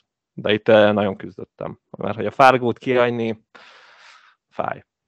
Hú, ez így most nagyon kellemetlen lesz, mert, mert nagy, nagyban egyezik a top 3 Igen, hát, én egy, egy Family Guy idézettel akartam indítani, ami úgy szól, hogy a Breaking Bad a legjobb sorozat a világon, talán a drótot kivéve, és, és így az első két sorozatom az a Breaking Bad és a drót. Ez elképesztő mind a kettő, tényleg. Itt talán a Breaking Bad az, az jobban ismert, A, a drót az, ami, ami talán kevésbé, ez egy HBO gyártású sorozat, még 2000 környékéről, és, és Baltimore-ról szól, ahol nagyon-nagyon sok volt a korrupció, és a drogháború idején játszódik, és ami elképesztően szuper teszi ezt a sorozatot, az az, hogy egy újságíró és egy volt rendőr az, aki, aki áll mögötte, és lényegében újságírókról és rendőrökről szól, na meg persze a másik oldalról, ahol, ahol a, a drogot árusítók vannak, barom jó, nagyon ajánlom, hogyha valakinek ez még kimaradt, és hogyha valaki látta a Breaking Bad-et, tetszett neki, és még nem látta, akkor biztosan tetszeni fog. Nagyon hasonlít abban, hogy, hogy viszonylag lassú például ez a sorozat is, és én is azt akartam, hogy megtarom harmadikként egy, egy szitkommal. Egy szitkommal, igen. És, és én is az Office-t mondtam volna. Nagyon-nagyon el lett találva az amerikai Office, tényleg hát totálisan jó, Tehát, és, hogy, és nagyon-nagyon vicces így, így most nehéz, nehéz, hogy ugyanazt azt mondtuk, de, ez, nehéz, de ez is mutatja igen. egyébként, hogy mennyire jók ezek. Gondolkoztam a jó barátokon egyébként, ha már itt szitkomnál, de az a baj, az Office az, az két körrel jobb a jó barátoknál, az az igazság, és, és ezért nem, nem tudtam azt, azt bemondani. Ez ilyen. Na és hát akkor mehetünk tovább a kedvenc filmekkel, ami megint csak egy hármas listára szűkült. Nekem e, konkrétan én tudom, hogy a gépemen van szerintem három különböző olyan fájl, amiben 50 kedvenc filmem van benne, de hát mindegy, ez, ez most háromra szűkül. Valahol egy kínzással ér fel, talán amikor így, így három, három dolgot kell mondani, és, és ezért nem sok, tízes film van, de amikor egy, egy film tízes, akkor már nem szívesen kategorizálja tovább az ember, szóval így leszűkíteni háromra külön nehéz. Én akkor itt kezdek egyből fel, ami pont amiatt van itt a listán, amit te is mondtál, hogy ezt, ezt akkor láttuk, és annyiszor, hogy, hogy egyszerűen lehetetlen megkerülni lényegében de ugyanígy így Guy Ritchie-nek a korai munkasságából még, még lehetne mondani mást is, és a, a Ravasz az is a két füstölgő puskacsövet is nagyon szeretem. De második helyre egy, egy olyan filmet raktam, ami, ami nagyon nagy hatással volt rám, és ezt a filmet csak egyszer láttam, de, de szerintem ilyen hatással nem volt rám más film, és ezt azért raktam fel ide a top 3-ba, és ez az Old Boy, ami, ami egy elképesztően jó film, és nagyon ajánlom bárkinek, nagyon megéri megnézni tényleg. Hát Ez tény, nem egy, egy, hát, egy klasszikus hollywoodi film. Soha nem felejted. Ha egyszer látta az ember, olyan mélyen beleívódik az egész film, még konkrétan a zenéje is. Igen, ha netán valakinek megjött a kedve, és még nem látta arra, az egyre figyeljetek oda, hogy lett, lett ennek a filmnek egy amerikai feldolgozása, Igen. Ami, ami úgy sikerült, mint ahogy minden amerikai feldolgozás szokott sikerülni, kivéve a téglát. Igen. Uh, nagyon rosszul, szóval, szóval mindenképpen az eredetit nézzétek meg ebből a filmből, és, és utolsónak egy olyan filmet raktam a listára, ami, ami, ami biztos, hogy amúgy nincs benne a top 3 kedvenc filmembe, de uh, a, a Kutyák szigetét választottam harmadiknak. Hoppá! Hoppá, és, uh, és azért, mert, uh, mert nagyon-nagyon szeretem a stop motion animációt. Baromi látványos, nagyon jó. És nagyon szeretem a, a Kutyák szigetéhez hasonló hangulatú filmeket. Ilyenek a jó pár Wes Anderson film, vagy a Taika Waititi filmek, és, és ezért egy ilyen kis komplexebb harmadik helyre raktam a Kutyák szigetét, mert ez ötvözi a, a kettőt. Ú, hát uh, figyelj, igazából itt is látszik, hogy együtt nőttünk fel, szóval, hogy hogy a, a blöfföt bármennyire is elmondtad, de a blöffet nem tudom kiadni. Tehát, hogy a blöfföt én is kénytelen vagyok megemlíteni, mert, mert az nálam is mindenek fölött áll. Szerintem az az a film, amit a legtöbbször láttam életemben, úgyhogy az, az bármikor képes vagyok berakni, és ugyanígy tudok szórakozni, mint amikor legelőször láttam, szóval az, az valami nagyon jól eltalál. És hát az Oldboy az nagyon, nagyon el, azon nekem is egy nagyon-nagyon erős nyilván, az egy tízes film nálam is, de, de nálam ami sokkal inkább beütött, az a hetedik, ami, ami szerintem nagyon hasonló ö, világú film, mind a kettő elég nehezen emészthető, és, ö, és hát én nyilván az, hogy nem tudom, ilyen 16-17 évesen látja az ember a hetediket, az olyan mély nyomot hagy az emberben, meg hát utána is rájön, hogy ez, ez egy tökéletes film. Szóval, szóval véletlen valaki nem látta, ajánlom, bár azért mondom, mind az Oldboyra, mind a hetedikre azért erős idegzet kell, szóval arra mindenképpen érdemes odafigyelni. És én is gondoltam, hogy kicsit csavarok ilyen dolgokat, mert meg gondoltam, hogy harmadiknak mondok egy Tarantino filmet, de Tarantino filmet úgyis mindenki látott már, és, és akkor ezért én is Taika Waititi felé fordultam, vagy én Taika Waititi felé fordultam, és, és nekem a hétköznapi vámpírok bármikor el tudok rajta szórakozni. Az egy ilyen, ha valaki nem ismeri, ez gyakorlatilag egy ilyen áldokuba rejtett ilyen vámpíros film, teljes agymenés az egész, ilyen millió órányi anyagot leforgattak félig amatőr színészekkel, és abból vágtak össze egy másfél órás filmet, ami, ami minden másodperc arany, és, és olyan, tényleg ha az ember meglátja, akkor utána idézni fog abból a filmből, mint, mint azt a legjobb filmekből tesszük. Úgyhogy ajánlom mindenképp. Jenny, ezzel, ezzel nem tudok vitatkozni, és, és igen, a hetediket az én is majdnem mondtam, szóval... Hát azért szóval mondom, hogy, érződik. hogy itt érződik a hatás. Meg hát ezek tényleg nagyon jó filmek, tehát hogy ez, ez, ha, ha az IMDB-re ránéz az ember, ezek, ezek ott vannak elő, szóval ez egy ilyen igen, igen. Abszolút Majdnem úgy raktam össze a hármas listát, mondjuk ez már nem ér, mert még, még mondani az ember, de hogy, hogy Harcosok klubja és hetedik is benne legyen a háromba, és akkor jöttem rá, hogy ez már két Brad Pitt film. Szóval... ja, igen, igen, igen, tényleg. Kult híró. Abszolút. Egyébként szerintem érdemes megjeleníteni azt, hogy te amúgy őrült nagy filmes vagy, te sokkal nagyobb filmes vagy, mint én. Mondtad is, hogy csináljunk egy külön filmes szobát Discordra, amit majd megcsinálunk, hogy ne csak az off legyen, legyen szó a filmekről. De még hogyha valakit ez érdekel, akkor mind a kettőnknek van letterboxa, amin, amin én kevésbé, Máté pedig, Máté pedig alaposan vezeti a filmeket, amiket megnéz és értékeli igen. őket. Igen, és ha, ha van letterboxotok, akkor, akkor mindenképpen cserélhetünk, és, és így is bővíthetjük a tudásunkat. Így van. Marvel vagy DC? Egy egyszerűbb kérdéssel megyünk tovább. Összességében egyébként a DC-ben szerintem sokkal több potenciál van, mint a Marvelben. Sajnos ez a filmek terén nem mindig jön ki de, de attól függetlenül is én, én azért azt mondom, hogy DC, mert a Batman az a DC-be van, és ha bármelyik másik karaktert megnézem, akkor, akkor nem, nem találok jobbat. De nyilván amennyire mellé megy a DC, most talán elkapnak egy jó vonalat, a Marvel filmek azért sokkal jobban el vannak találva. De ők már azért kezdenek unalmassá válni cserébe. Igen, igen. Hú, ezt, ezt kiegészíteni bármivel is nagyon nehéz, teljesen egyetértek tényleg Batman masszívan viszi a hátán a DC-t. Hát főleg így filmek terén ott, ott Hát azért no, Nolan azért segített a DC-n. Tehát azért mondjuk én a Sötét Lovagon gondolkoztam, hogy berakjam a három kedvenc filmembe. Mert, mert nálam az nagyon eltalált valamit. Egy kicsit de... azt érzem, hogy amennyit segített utána, annyit ártott az, hogy, hogy azt az próbálták igen, igen, igen. folyamatosan, de, de nagyon kevés siker rá, és, és, és így elmentek egy olyan vonalra, hogy akkor legyen sötét a filmünk, és legyen szomorú, és legyen rossz, meg unalmas. Meg, meg a castok is egyébként nagyon mellé mentek szerintem. Tehát a DC-nél sok, sok probléma volt. Hát, ha javulnak. Igen. Én, én amúgy alapvetően így egyből a Marvelt vágnám rá, pont azért, mert biztos, hogyha most csak így két kalapba kéne nyúlnom, és akkor választanom kéne egy filmet, akkor azért előbb néznek meg egy Marvel tény, filmet, mert nagy valószínűséggel szórakoztatóbb lenne. Meg Pókembert nagyon szeretem arról ja, az igen. oldalról. Igen, ez tény. Ez, ez nálam is hasonlóan van. És akkor már, hogy melyik szuperhős bőrébe bújnál, akkor már meg is válaszoltad?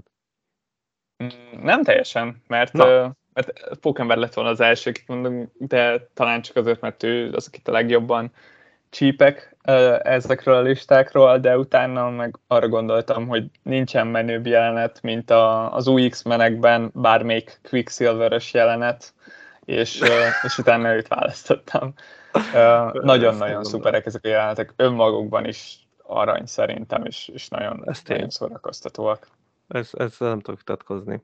Nem, nem tudom, mi a magyar, magyar neve. Ez is mi az? Valami ilyesmi. Hát most megfogtál. Most nagyon megfogtál. Biztos, hogy nem gyors ezüst. Az gyanús. Az gyanús, az elég szarú hangzik, de hát maradjon Quicksilver is, az biztos, hogy igaz. Na mindegy, hát én, én, én egyébként így ezen nem gondolkoztam annyit. Tehát nyilván ez, a, a Strange az szerintem egy nagyon, nagyon ideális karakter, akinek a bőrébe bújna az ember. Aztán, hogy ez mennyire szerencsés, az már egy másik kérdés, de, de jól, jól hangzik. Ki a kedvenc karaktered a torrentéből? Na hát itt egy szint kell vallani, én nem azt vallom a szint, hogy nem láttam a torrentét, én láttam a torrentét, csak nem szeretem a torrentét. És lehet, hogy most elveszítünk nézőket, hallgatókat, de hát ez van, tehát hogy mit mondjak, az első rész még szerintem egész jó. Tehát az, az még konkrétan azt is mondanám, hogy jó, aztán az összes többi az már szerintem küzd ezzel, hogy, hogy lerágni ezt a bizonyos bört a csontról, de hát, ja, szóval így összességében kedvenc karaktert sem tudok mondani. Hát az én színvallásom az lehet, hogy még durvább. Nem tudom, hogy melyik rosszabb egyébként, mert én nem láttam a torrentét. Hát nem tudom, lehet, hogy téged most jobban, vagy nem tudom, hát engem utálnak, téged is utálnak, szóval csak máshogy, máshogy utálnak. Szóval a balla az, az most összetört. Így, így nem érti, hogy mi lesz. De Kicsit olyan, mintha láttam volna. Szerintem gifekből már na, így de, össze... Na, egyébként nekem ez, ez a bajom a torrentével egyébként, hogy, hogy a torrentével bőven elég annyi, hogy, hogy így, így fölmész YouTube-ra, és beírod a jelenteket, és vannak kurva jók, még nem csak az egyben, hanem a, a többi filmben is vannak baromi jó jelentek, de hogy még az egyben, még a jelentek között is egész érdekesek a dolgok, de, de például már a harmadik, meg a negyedikben ott, ott már így néha küzdesz, hogy, hogy, hogy kijöjjön egy, egy ilyen épkézláb jobb poén, vagy jelenet a filmből. Legalábbis nekem, de hát lehet, hogy én velem van a baj. Igen. Én pont ezért Aguero-t választottam, mert tudom, hogy szerepel benne, és Aguero... a becsori oldalvédes jelent, ez kifejezetten jó is. Igen, igen, az, igen, az, az elég erős. Uh, igen, meg van... választottam. vannak benne ilyen arcok. Igen, én a Carlos Moyát mondtam volna, hogy meg a teniszes is, ő az a fonákkal baszod, és akkor, akkor én mondom a Carlos Moyát. Még, még szoros második helyen nálam ott van az a vastag szemüveges a, a rendőri megfigyeléses jelenetben, ja, mert igen, egyszerűen igen. imádom, amikor amikor megjelenik Discordon spanyol felirettel ez a jelenet. Azt, azt nem Jó, az, az top, az top. Ő, ő a Rafi, például miért emlékszem, hogy ő a Rafi. Menjünk el egy kis zenei irányba. Három Kicsit kedvenc nézzük. banda. Fú, hát ez is már megint olyan, hogy így küzd az ember, tehát ez is nagyon szűk kereteket ad az embernek, de hát megpróbáljuk bele, beleszuszakolni. Még, még egy-két bandát, hogy így miken gondolkoztam. Hát a Black Keys az egyértelmű. Tehát a Black Keys az nekem egy olyan banda, amit, amit nem tudok, tehát ő, ő abszolút ők kerülnek az első helyre ezt a, ezt a bluesos, garázsrokkos hangzást én, én teljesen imádom, szóval emiatt a Jack White-ot is imádom, sőt, őt még ő neki több számát imádom szerintem, mint a Black Keys-nek, de, de hát nem férhetett föl, tehát egyszerűen túl sok, túl, túl, túl sok, túl sok itt a jó. Aztán, hogy akkor kicsit mondjak ilyen angolos vibe-ot, akkor, akkor egyértelmű, hogy a Kasabian lenne a második, akit megneveznék. Itt az Arctic Monkeys-t utat, utasította maga mögé, ott megint csak ez gyakorlatilag ez a brit zenében abszolút a Kasabian, amit imádunk, szerintem ez Levi helyett is mondhatom, tényleg top. És, és akkor a harmadik helyen gondolkoztam, hogy kit rakjak be harmadiknak, gondolkoztam, hogy kéne egy magyar együttest is, de, de azért, amikor így elkezdtem zenét hallgatni, nyilván ez is a, az ilyen 18 éves korszakra nyúlik vissza, akkor úgy a, magyar zenék annyira nem fogtak meg, most meg inkább ez az, az alteresebb vonal, aztán így, így gondolkoztam, és akkor abban maradtam, hogy a Queen Beat szerettem még, még kiskoromban is, és, és most sincs vele bajom, és kicsit az altervilágot is képvisel, amit, amit mostanában szoktam hallgatni, úgyhogy akkor, akkor legyen a Bee, és akkor így elég sok mindent lefettem, talán még ezeket az indie zenéket annyira nem, de hát minden nem lett. Valamennyire, valamennyire hasonló listám az Arctic Monkeys nem feltétlen első helyen, de itt van a top 3-ban. Nagyon szeretem őket, és, és ilyen stílusilag talán, talán ők állnak a legközelebb hozzám. Ez, ami te is mondtál, garage rock slash alt-rock slash Igen, igen. Pszichedelikus. rock, valami ilyesmi, igen, ezt Igen. nagyon szeretem. Aztán legtöbb koncertjén a Paddy and the Rats- Ratsnek voltam, szóval gondoltam, megemlítem őket is. Az, igen, jogos, Ők egy jogos. Magyar banda, akik, akik ilyen ír, ír rockot, ír kocsma zenét játszanak, Abszolút. és, és olyan színvonalon, hogy, hogy szerintem arra, arra szerintem kint is csettintenének. mert Me- me- meg a, kon- a koncertélmény nagyon rendben van, tehát hogy az, az, az tényleg olyan hangulat van, hogy, hogy te, gyakorlatilag mintha egy kocsmában lennél. Nagyon teljesen szuper, tényleg. Az érzést megadja. Igen. A, a New York bandáinak simán lehetne az egész Ja, film simán, zenéje a az. Endere. Így van, Szóval így van. Tényleg, tényleg szuper. És harmadik helyre azért az Iván and the Parazolt hoztam, mert albumból, meg, meg biztos, hogy az Iván és az. Ivánéknak az első két albumát hallottam a legtöbbször, úgyhogy is. effektíve berakom és meghallgatom az egész albumot. Az első két albumukban szerintem nincsen hiba. Nincs. Semmi. Nagyon, nagyon, nagyon szuperek. És hallgatni, mostanában én is azt szoktam hallgatni, amit te is itt említettél, ezt a magyar altot, ezt az MR2 Petőfi féle 30Y-os, kivimbis, stb. vonalat. Nagyon, nagyon szeretem most, és nagyon jók, brutálisan jók.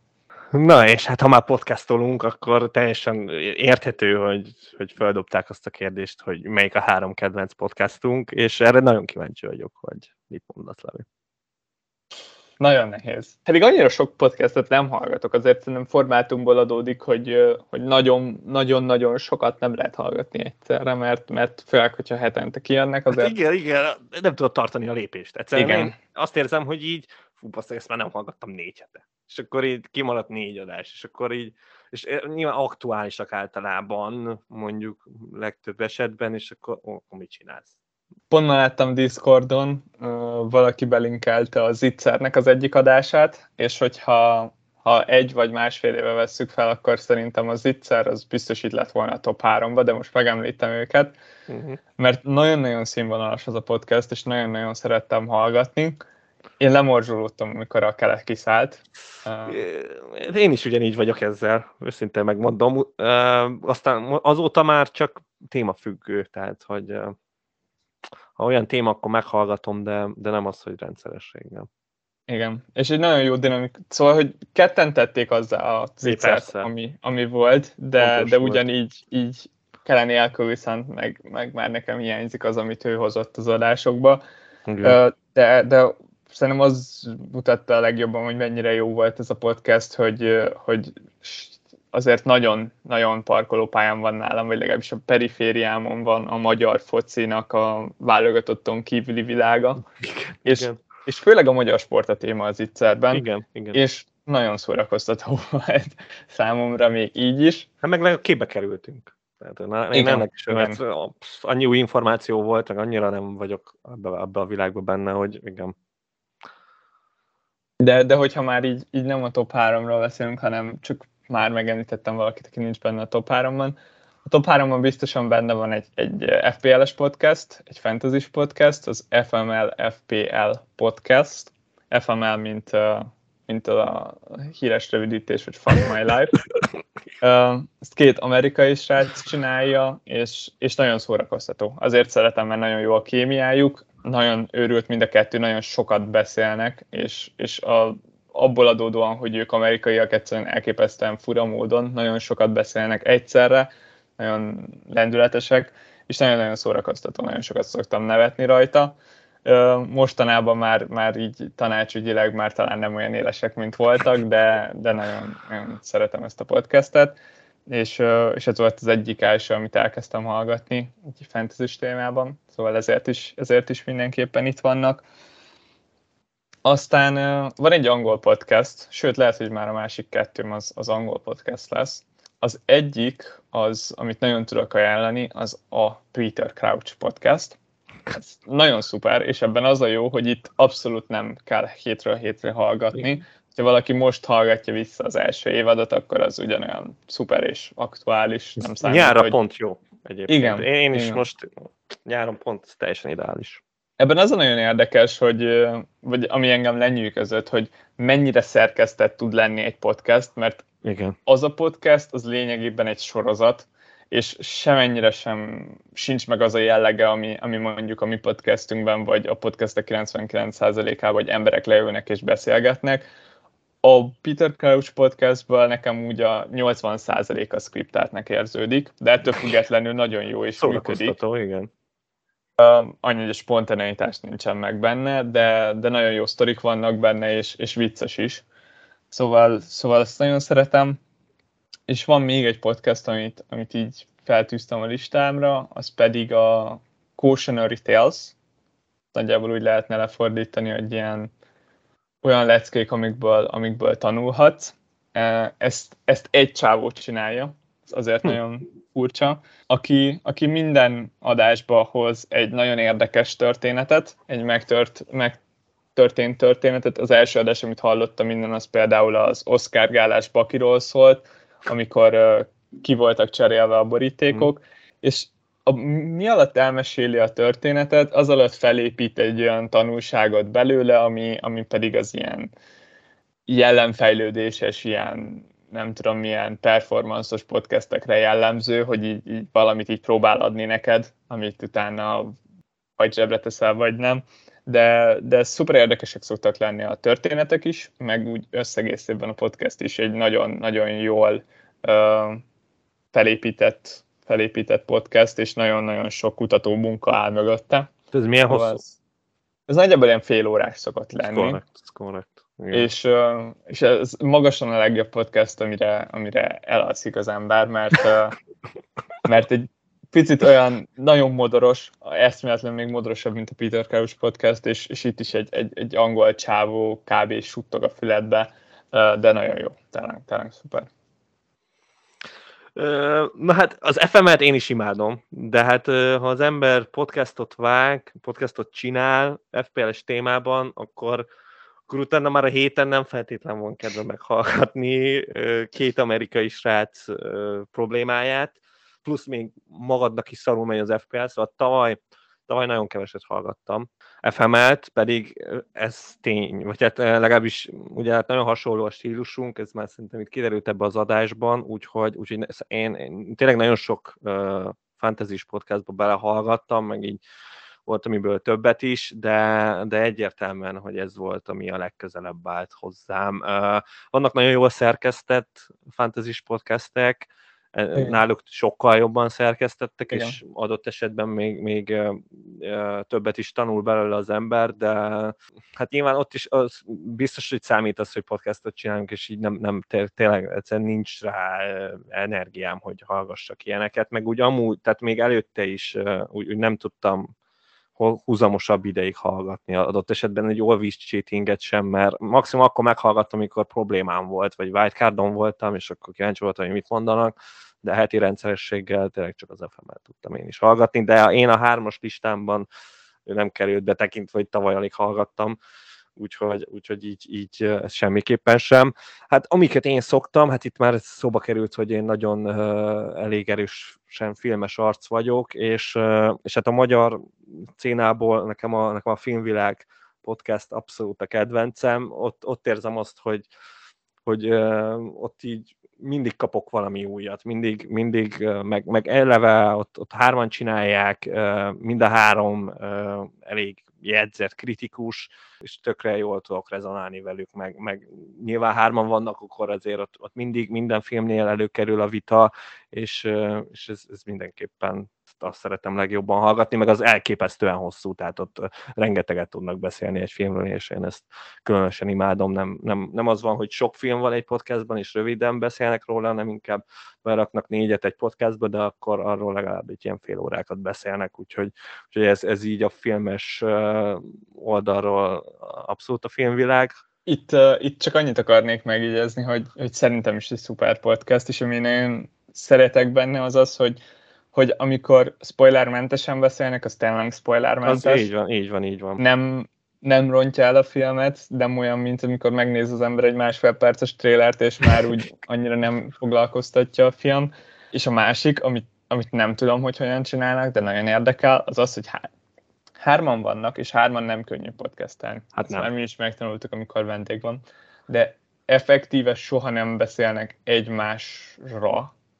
De vagy én ezt meg tudom neked félig meddig válaszolni, hogy ez mi segít nekik ebben. Az, hogy abból ketten egy helyen vannak, és, és ugye csak az egyik csávó van kint Kanadába, szóval, szóval lényegében majdnem olyan, mint hogyha ha ott ez a két ember nyilván ott akkor nagyon jól rezonálnak egymást, mert akkor őt érzik egymást, és akkor csak a harmadikra kell figyelni, aki meg, aki meg messzebb van. Szerintem mm-hmm. ezt így tudják egész jól megoldani mi, mondjuk nálunk, amikor hárman vagyunk uh, online-ban, akkor azért az, az tényleg az hard. És szerintem így, így tudják egész jól ezt kiküszöbölni. De igen, szóval igen, ők szoktak uh, utána spoileresen is beszélni, uh, nyilván akkor, hogyha nem látod, akkor ezt, ezt, ezt ki kell hagyni, de ők tényleg ez, erre tényleg nagyon figyelnek, hogy, hogy, hogy ne, ne spoilerezzék el a dolgokat ez a, ez a filmes, aztán hát én nagy teljes terjedelem rajongó vagyok, még, még mindig, bár mondjuk ott ott mindenképpen meg szoktam nézni, hogy ki a vendég. Tehát ott, ott a vendég nálam egy szűrő szokott lenni, hogyha ha tudom, hogy olyan vendég van, aki hát annyira nem érdekel, hogy mit mond, akkor, akkor nem hallgatom meg, de, de szerencsére ritka szokott lenni. Általában azért, azért kíváncsi vagyok és, és meghallgatom. És, és hát ha meg külföldit kéne mondani, akkor, akkor én, amit nagyon szeretek, és, és nagyon hasonlóan szerkesztett, mint a, mint a teljes terjedelem, bár mondjuk inkább csak angol focis, az a, az a Tifónak a podcastje, az Atletiken. Az is olyan, hogy uh, ott elég laza, tehát hogy, hogy az várnád a Tifótól, hogy az, az ilyen nagyon, nagyon szakmás, de nem. Tehát, hogy ott, ott nagyon elvetemült arcok vannak a, a podcastban, és, és nyilván szakmáznak, mert nem, tehát most is a Hesusról azért ott, ott volt az, hogy most akkor hogy lesz, mint lesz, hogy fog beépülni az Arzenába, de, de mit tudom én, múltkor amikor egy, egy, nem tudom, egy öt percet beszéltek a Jeremy Tulánánról, hogy, hogy most hány éves volt, amikor játszott, úgy nézett ki, mint a 40 éves, de 22 éves volt, mikor már őszült, nem tudom hány évesen. Szóval így van, hogy nagyon elkalandoznak ilyen, nagyon VTF irányban, és ezt, ezt szeretem. Úgyhogy, úgyhogy én tudom ajánlani a, a Tifós podcastot, mert van az Atletiknek a sima podcastja, az, az sokkal komolyabb, meg hát oda általában ott, nem tudom, például mostani időszakban mindig meghívják az Ornstein nyilván, és akkor átigazolási hírek, szóval az sokkal inkább így ilyen kötöttebb, mint a tifós, ott, ott sokkal inkább beleférnek az ilyen dolgok, úgyhogy ezt azért azt, azt nagyon szeretem.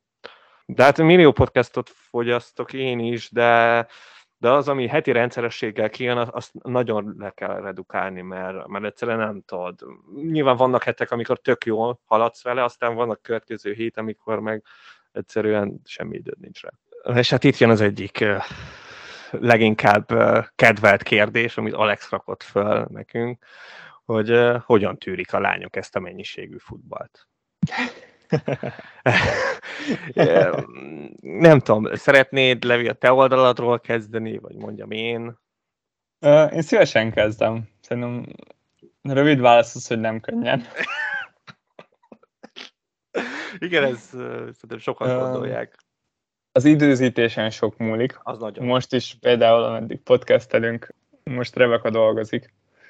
És, és így, így azért így van egy ilyen, ilyen része is a dolognak, hogy így megpróbáljuk úgy összehozni, hogy, hogy a lehető legkevesebb futballnak legyenek kitéve, de hát amikor szerdán este 9-től meccs van, azért azt nehezen tudja úgy igazítani az ember, hogy ha hazaérve melóból, akkor ne, ne üljünk le meccset nézni.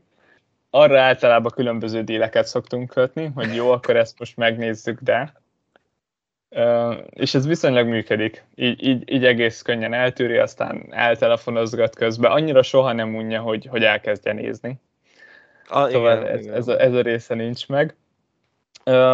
Ami még, ami nem feltétlenül a focihoz kapcsolódik, de ami gondot szokott jelenteni, vagy legalábbis minimálisan, mert amúgy nagyon rugalmas, és, és nem gond-gond, de kifejezetten fura szokott lenni, amikor a telómat nézve elkezdek röhögni magamban, és, és nem olyan, mint hogyha egy mémet nézne az ember, vagy egy jó sztorit olvasna, és megkérdezi a párja, hogy, hogy min nevetsz, és akkor oda tudom fordítani, hogy ezen, hanem általában csak nagyon fáradt hangon meg szokta kérdezni, hogy foci, és, és mondom, hogy igen.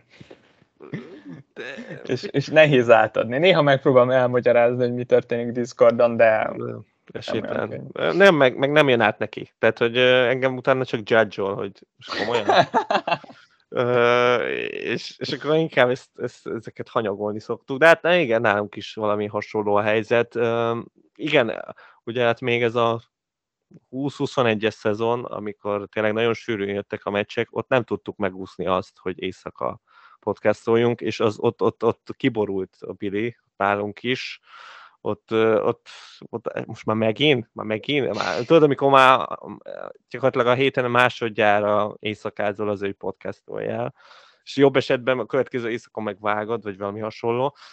Szóval, hogy igen, ezek, ezeket idénre egész jól le tudtuk redukálni. Tehát nagyjából abban az időben veszük föl, amikor, amikor dolgoznak, vagy, vagy nincsenek ott, és tényleg nagyon ritkán van az, amikor ez így egybeesik, úgyhogy ebben, ebben nagyon jól fejlődtünk, és ez, ez nagyon segít ebben. Uh, hát a meccseknél meg, uh, hát nálunk ez nagyjából úgy van, hogy hogy mit, én nagyon sok meccset például, akkor jó, akkor legyen az, hogy akkor utána másnap megnézem, tehát az, az, az nálunk abszolút játszik. Amikor ilyen nagyon fontos meccs van, igen, hát akkor, akkor nagyon kompromisszumot kell kötni nálunk is, és, és akkor igen, hogy akkor nem tudom, holnap ez lesz, meg az lesz. Igen, ez, ez sajnos csak így lehet, mert, mert hát nyilván nem díjazza. És jó, meg ami nagyon fontos, hogy be kell jelentenem előre. Tehát, hogy azért nem az van, hogy most akkor nem tudom, ő tervez valamit ma estére, és jaj, mondom, hogy nem tudom, Spurs Arsenal lesz, és akkor, és akkor sztornó minden, mert az nagyon nehezen veszi, hanem, hanem akkor mondom neki már egy hét előre, hogy na most akkor ez itt, ez itt lesz, vagy legalább két-három nap előtte. Úgyhogy igen. Előre bejelentett, hogy majd másnap megnézed felvételre. Amúgy igen, van, ilyen is, ilyen is van. Ja, hát egyébként még a hétvége az még barátibb, tehát ugye amikor hétvégén van a meccsek, akkor, akkor azért az, az hétvége, szóval ott, ott úgy főleg az ilyen délutáni meccsek, az, az, azt az tök nyugiban meg lehet nézni. Hát tényleg az esti meccsekkel van gázos, de ugye általában azok csak hétköznap szoktak lenni, vagy hétfőn, azokat meg az kár ki is hagyhatja az ember, és akkor másnap megnézi, szóval azokkal úgy egész Szerintem idén, idén, idén nem volt semmi gázos. A, mondom, az előtte lévő szezon azt szerintem sokkal rosszabb volt így a csajok és a podcast viszonylatában. Na a végére pedig egy kis FPL a levezetésre. Legjobb és legrosszabb FPL sztorink. Fú, ezen nem gondolkoztam annyit, bevallom, de, de az, hogy már most jönnek elő az emlékek, szóval, szóval ez, ez így nagyon, nagyon könnyen jön. Hát a legrosszabbak az, az, az a tavalyi szezonban szerintem azt én már egész jól kifejtettem. A korábbról az már lehet, hogy net, sem mindig a, itt például FPL-ben itt a jobb sztorik eszembe, szerencsére. És, és ott, ott nem, én azokat szeretem nagyon, az, amikor, amikor elkapsz ilyen iszonyatos pillanatokat. Tehát amikor vagy, vagy ilyen tényleg olyan gólt, ami, ami ilyen baromi emlékezetes, és például a, a, ami megvan, hogy a, akkor ben volt a Jagielka csapatomban, de mondjuk a padot, pont a padra tettem, amikor azt a iszonyatosan nagy gólt lőtt a Liverpool ellen a Merseyside derbén, szerintem azt nagyon sok púlos emlékszik rá, és ott csücsült az első helyen a padomon a Jaggy AK.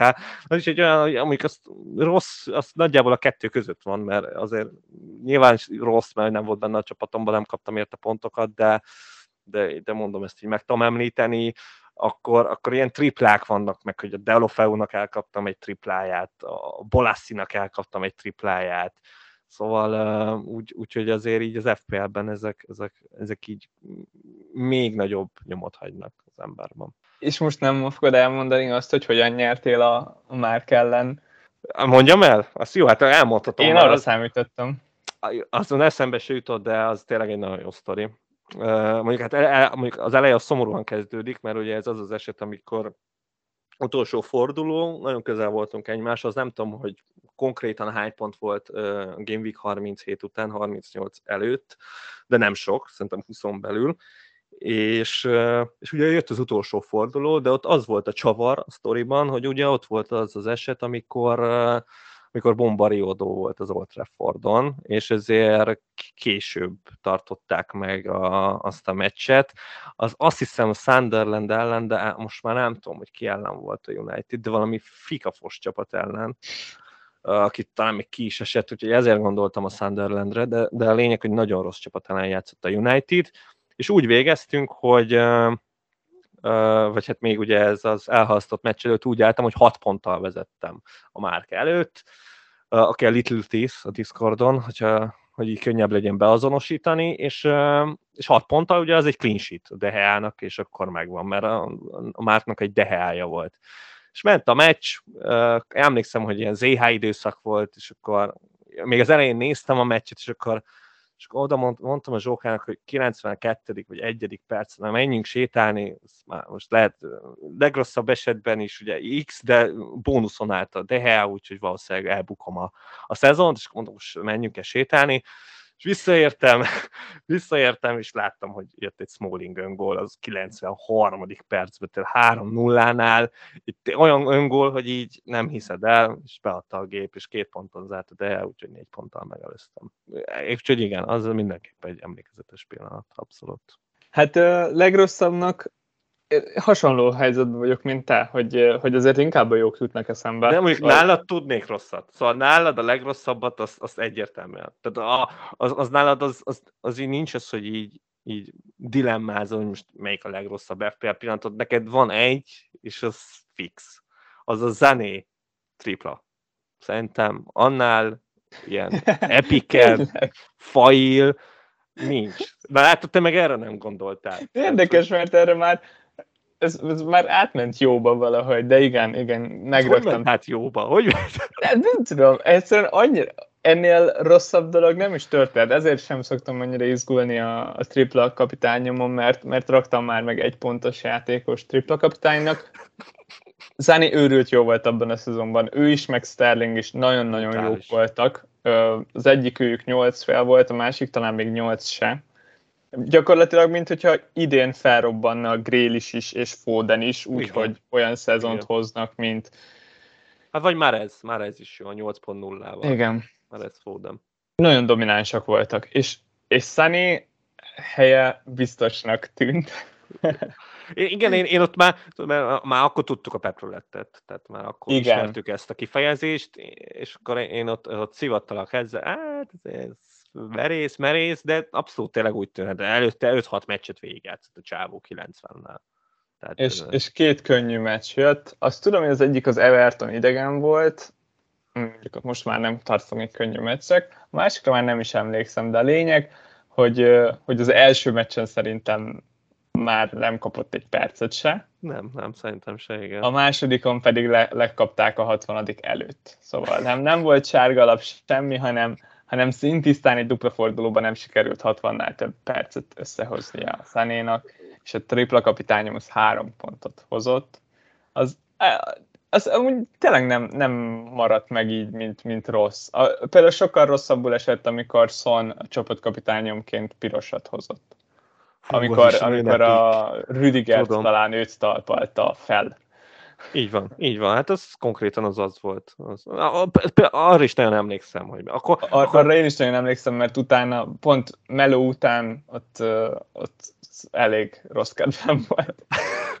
hát én meg, én meg mentem, azt hiszem éppen ilyen osztálytalálkozóra mentünk, mentem, és, és pont még leszálltam a buszról Kecskeméten, és láttam, hogy szompéros. Szóval én nekem meg pont az ellenkezője volt.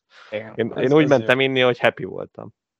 De, de mondhatnám amúgy a, az első, nem tudom, nagyjából öt szezonunkat, ahol, ahol végig csak te nyertél, az, azokra annyira szívesen nem gondolok vissza, hogy, hogy minden egyes szezonban megvertél. Um, szóval az, az picit, picit fáj, meg, meg kicsit tüske, és, és ez, ez még benne van. De, de összegészében jó, jó az hamarabb jut eszembe, meg a jó az olyan, ami, amit uh, lehet, hogy, uh, hogy már nem fogok tudni überelni.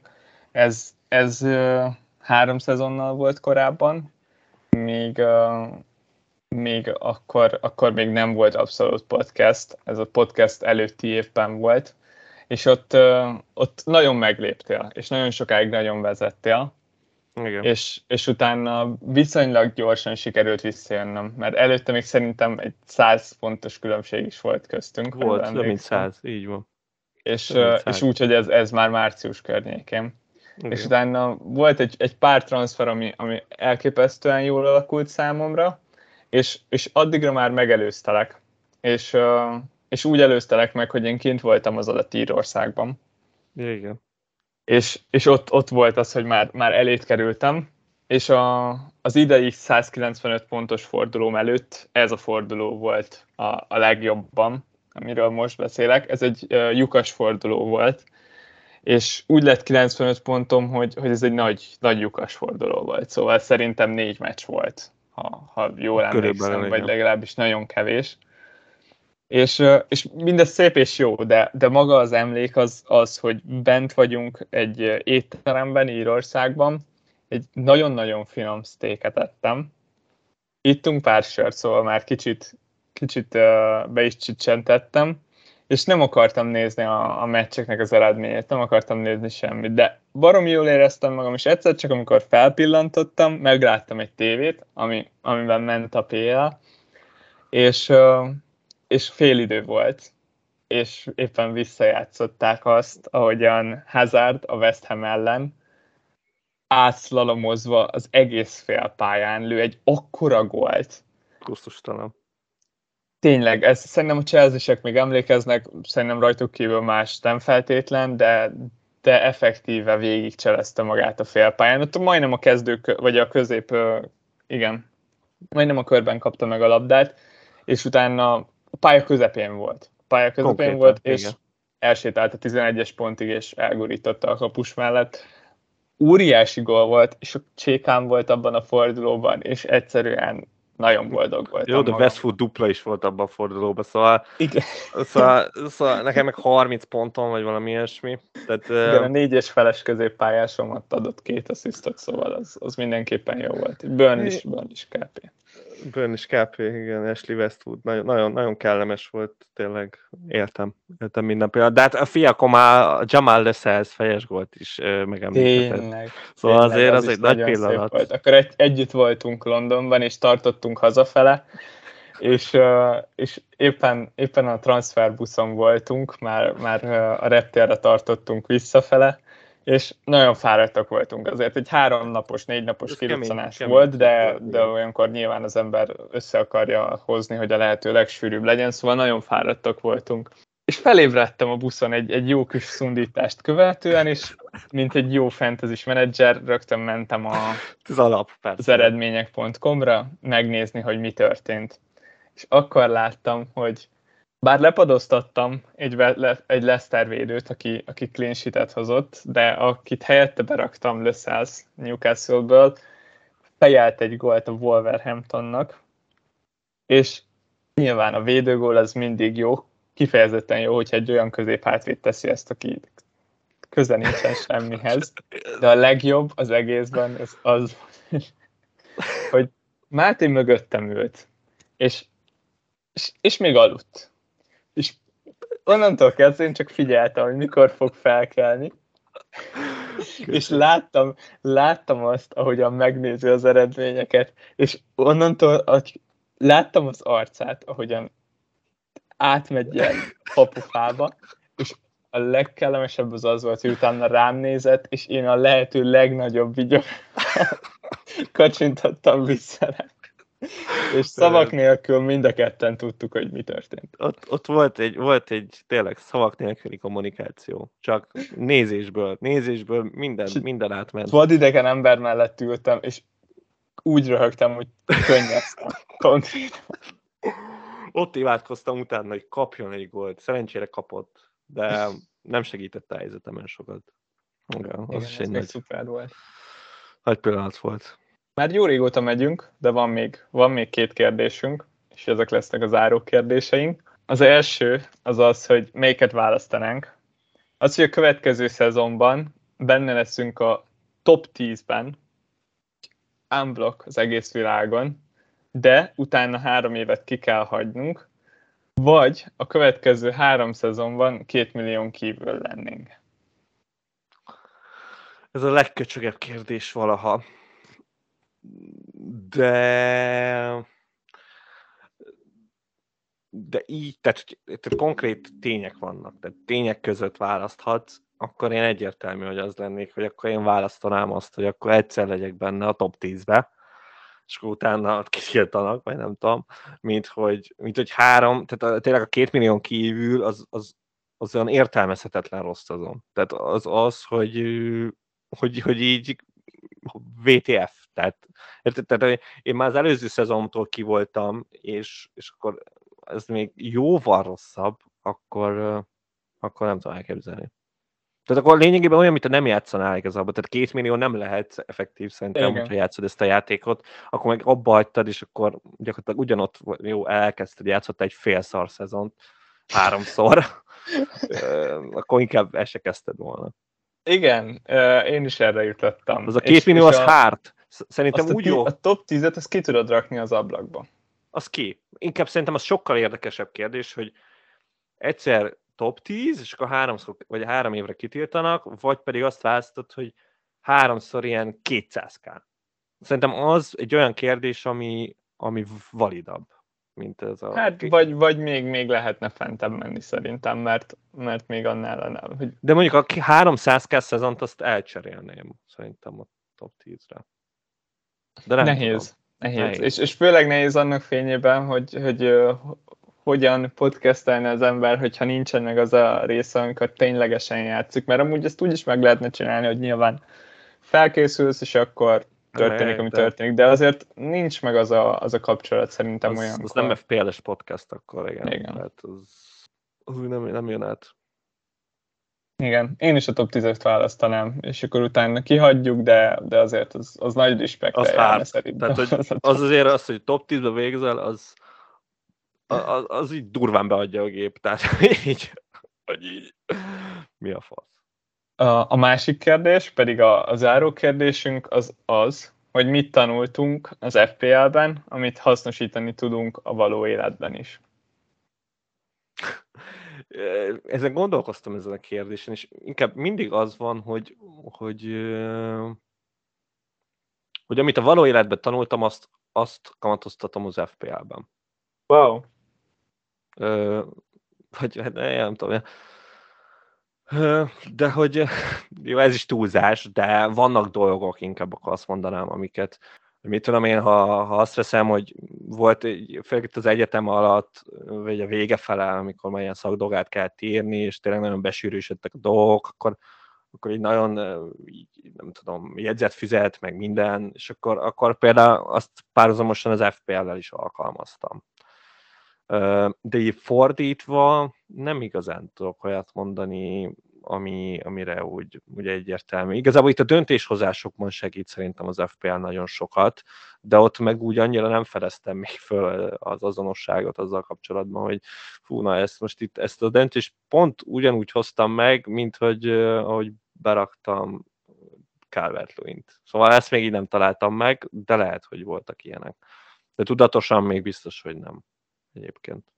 Érdekes, én, én itt tudnék mondani több dolgot is. Igen? Um, amit, amit konkrétan a, a játékból úgymond, vagy legalábbis a játék kapcsán tanultam meg, az, az mindenképpen az, hogy, hogy magabiztos legyek a döntéshozatalom során, és hogy, és hogy megbékéljek a döntéseimmel, és, és ugyanide tartozik az is, hogy hogy azokra a dolgokra fókuszáljak, amin, amin tudok változtatni, és ne azokra, amik, amik lehet, hogy nyilván relevánsabbnak érződnek, de amik a múltban vannak. Ja, értem. Szóval, értem. Um, igen, a, úgy összegészében az agyunknak nagyjából azon kéne pörögnie, hogy, hogy mit tudunk tenni mondjuk, hogyha egy rossz szituációba kerülünk, akkor a rossz szituáció az általában adott, és akkor hogy hogyan tudsz onnan mondjuk kijönni. Utána az utólagos megmondás, hogy hogyan kerültél oda, az, az éppen adott helyzetben nem feltétlen segít, és, és akár ez, ez pont ellenkező hatást is váltott ki, és, és belespirálozhat az ember valami rosszba. Szóval ez, ez szerintem egészen jól át lehet ültetni, vagy legalábbis egy ilyen párhuzamot lehet vonni a kettő között. A másik, amit mondanék, az, az, az nem feltétlenül a játékhoz kapcsolódik, de hát a játék véget jött létre a podcastünk, és a podcast tel és a podcast során nagyon sok mindent tanultam, és uh, lehetne itt olyan ilyen viszonylagos skill, hogy mondjuk ilyen hobbi Photoshop használat, mint, mint valaki, aki a hétvégén mondjuk nem a paintet nyitja meg, hogyha bármit kell csinálnia, hanem akkor mondjuk már nem félek annyira a Photoshoptól, nyilván ez tényleg nagyon, nagyon hobbi szinten, de, de ami, ami ennél sokkal nagyobb, az, az meg a podcastünk elindulásához kötődik, és, és ezt, ezt részben tőle tanultam meg, és ez szerintem egy nagyon, nagyon király dolog. Amikor kezdtünk, ugyebár elképesztően furcsa időszakban kezdtünk, a nem is tudom, hogy hívták azt a fordulót, 30 pluszadik fordulóban, mert hogy Covid után voltunk. Már alapvetően elég fura szerintem, nekem nagyon tetszik, hogy egy ennyire random időpontban kezdtünk el podcastelni, nem a szezon előtt, hanem, hanem egy szezonnak az utolsó ötödében. Igen. És, és mielőtt kezdtünk, én határozottan, vagy hát határozottan, de hogy azt gondoltam, hogy simán csinálhatnánk mondjuk azt, hogy mi felveszünk adásokat, és, és nem rakjuk ki őket, hanem, hanem csináljuk, és belejövünk, és, és utána rakjuk ki, nem feltétlenül a régieket, hanem az újakat, mert teljesen egyértelmű, hogy például egy ilyen projektnél sokkal jobb lesz a tizedik adásod, mint az első. És, és ezt, ezt még most ezt is nagyon szeretném, hogy, hogy azért folyamatosan egyre jobb legyen a podcastünk. És, és azért az egészen maximalista vagyok, szeretek, szeretek valamit jól csinálni, ha csinálom, és, és picit tartottam attól, hogy, hogy hogyha már akkorát tudnánk javulni azzal, hogy mondjuk tíz adást felveszünk üresbe, akkor miért ne csinálnánk mondjuk úgy. De te viszont ez abszolút nem így gondolkodtál, és ez, ez meg se fordult a fejedben, hogy, hogy, hogy így csináljuk, és szerintem nagyon igazad volt. És ez, a, amit tanultam, az lényegében az, hogy, hogy tök jó dolog, a maximalizmus az egy alapvetően egy jó Abszolút. dolog, de amúgy hátráltatni is tud, akkor, hogyha ez a, az eredmények meg a munkarovására megy. És utána olvastam valamit, ami nagyon összecsengett ezzel a történettel, és a, ott valami olyasmi volt a lényeg, hogyha ha akarsz csinálni egy dolgot nagyon tökéletesen, és rászánsz végtelen időt, akkor amúgy például egy munkahelyen lehet, hogy sokkal jobban jártál volna, ha nem tökéletesen, de mondjuk jól megcsinálsz helyette öt dolgot az alatt az idő alatt, és, és ezért a végtelenségig nem kell elvinni ezt, hogy, hogy mennyire túl gondolja az ember, és hogy mennyire hibátlanul csinálja meg a dolgokat, hanem, hanem csinálni dolgokat. Igen, és, igen, és igen. Nem, és, és az, az nagyon sokat tud számítani, hogy, hogy csinálja az ember a dolgokat. Igen, meg az a jó, hogy amikor elkezdtük, még főleg abban abba a nyolc fordulóban, nyolc héten keresztül, ott nem túl sokan hallgattak minket, szóval ott, mondjuk én, én volt, nem olyan régen visszahallgattam az egyik adásunkat ott, és hát igen, ott hát, hang se szólt úgy, meg mi is bénábbak voltunk, de ahogy így javulsz, úgy jönnek a hallgatók is, szóval majd, hogy nem egyenesen, arányosan, de, de, hogy, de hogy az elején még tényleg azért az egy kísérleti projekt volt. És, és egyébként én mindenkinek a, a, kicsit ajánlom, hogy behallgasson azokban, látja, látja, hogy változásokat, a különbségeket. Figyelj, biztos pontunk ott is jó érdekességeket. Hát bizonyos szempontból biztosan, mert az volt a top 10 szezonom, az a, az Na, a hát fél csonka podcast elkezdős igen. őrület volt az, amikor az eddigi legjobb szezon, szezonom volt. Szóval ez, ez külön vicces valahol. És, és pont az a része volt a szezonnak így podcast formájában is megörökítve, amikor, amikor egy ilyen utolsó hajrá volt, és, és, és hogy hogyan lett az a szezon 40k helyett 10k-s. Igen, igen. De még amit így ezzel kapcsolatban gondoltam mondani itt az FPL, hogy mit tanultunk az FPL-ből, nekem én sokszor azt érzem, hogy nekem van egy FPL-es énem, meg, meg van egy magánénem. Mert például pont ez, hogy én alapvetően a döntéseken nem szoktam örlődni. Tehát, hogy, hogy így a saját döntéseimen, amiket meghozok a való életben, maximum kicsit még gondolkozom, hát ez most jó-e, nem jó-e, de úgy nem szoktam rajta nagyon gondolkozni. Meg, meg egyébként szerintem az a különbség ebben, hogy, hogy a való életben nincsenek olyan egyértelmű rossz döntések, nyilván meg vannak, de ritkábbak, mint FPL-ben. Mm. És FPL-ben viszont, viszont nagyon meg tud ütni, amikor, amikor uh, tényleg egyértelműen bebizonyosodik, hogy ez, uh, ez baromi rossz döntés volt, és, és miért hoztam meg ezt, meg hogy, ott, ott azon, azt, azt nehezebben tudom elengedni, mint, mint mondom a való életben. Hát remélem, srácok, hogy sikerült végighallgatni ezt az adást, és hogy elég érdekesek voltunk hozzá, és, és hát remélem, hogy, hogy velünk maradtuk a következő századásra is. Ha, ha tényleg nagyon bejött nektek ez, akkor szerintem még, még, még biztos tudunk olyan új, újdonságokat mondani. De addig is itt a nyáron jövünk még jó pár adással, ne féljetek. Sziasztok! Köszönjük, hogy velünk vagytok, és sziasztok!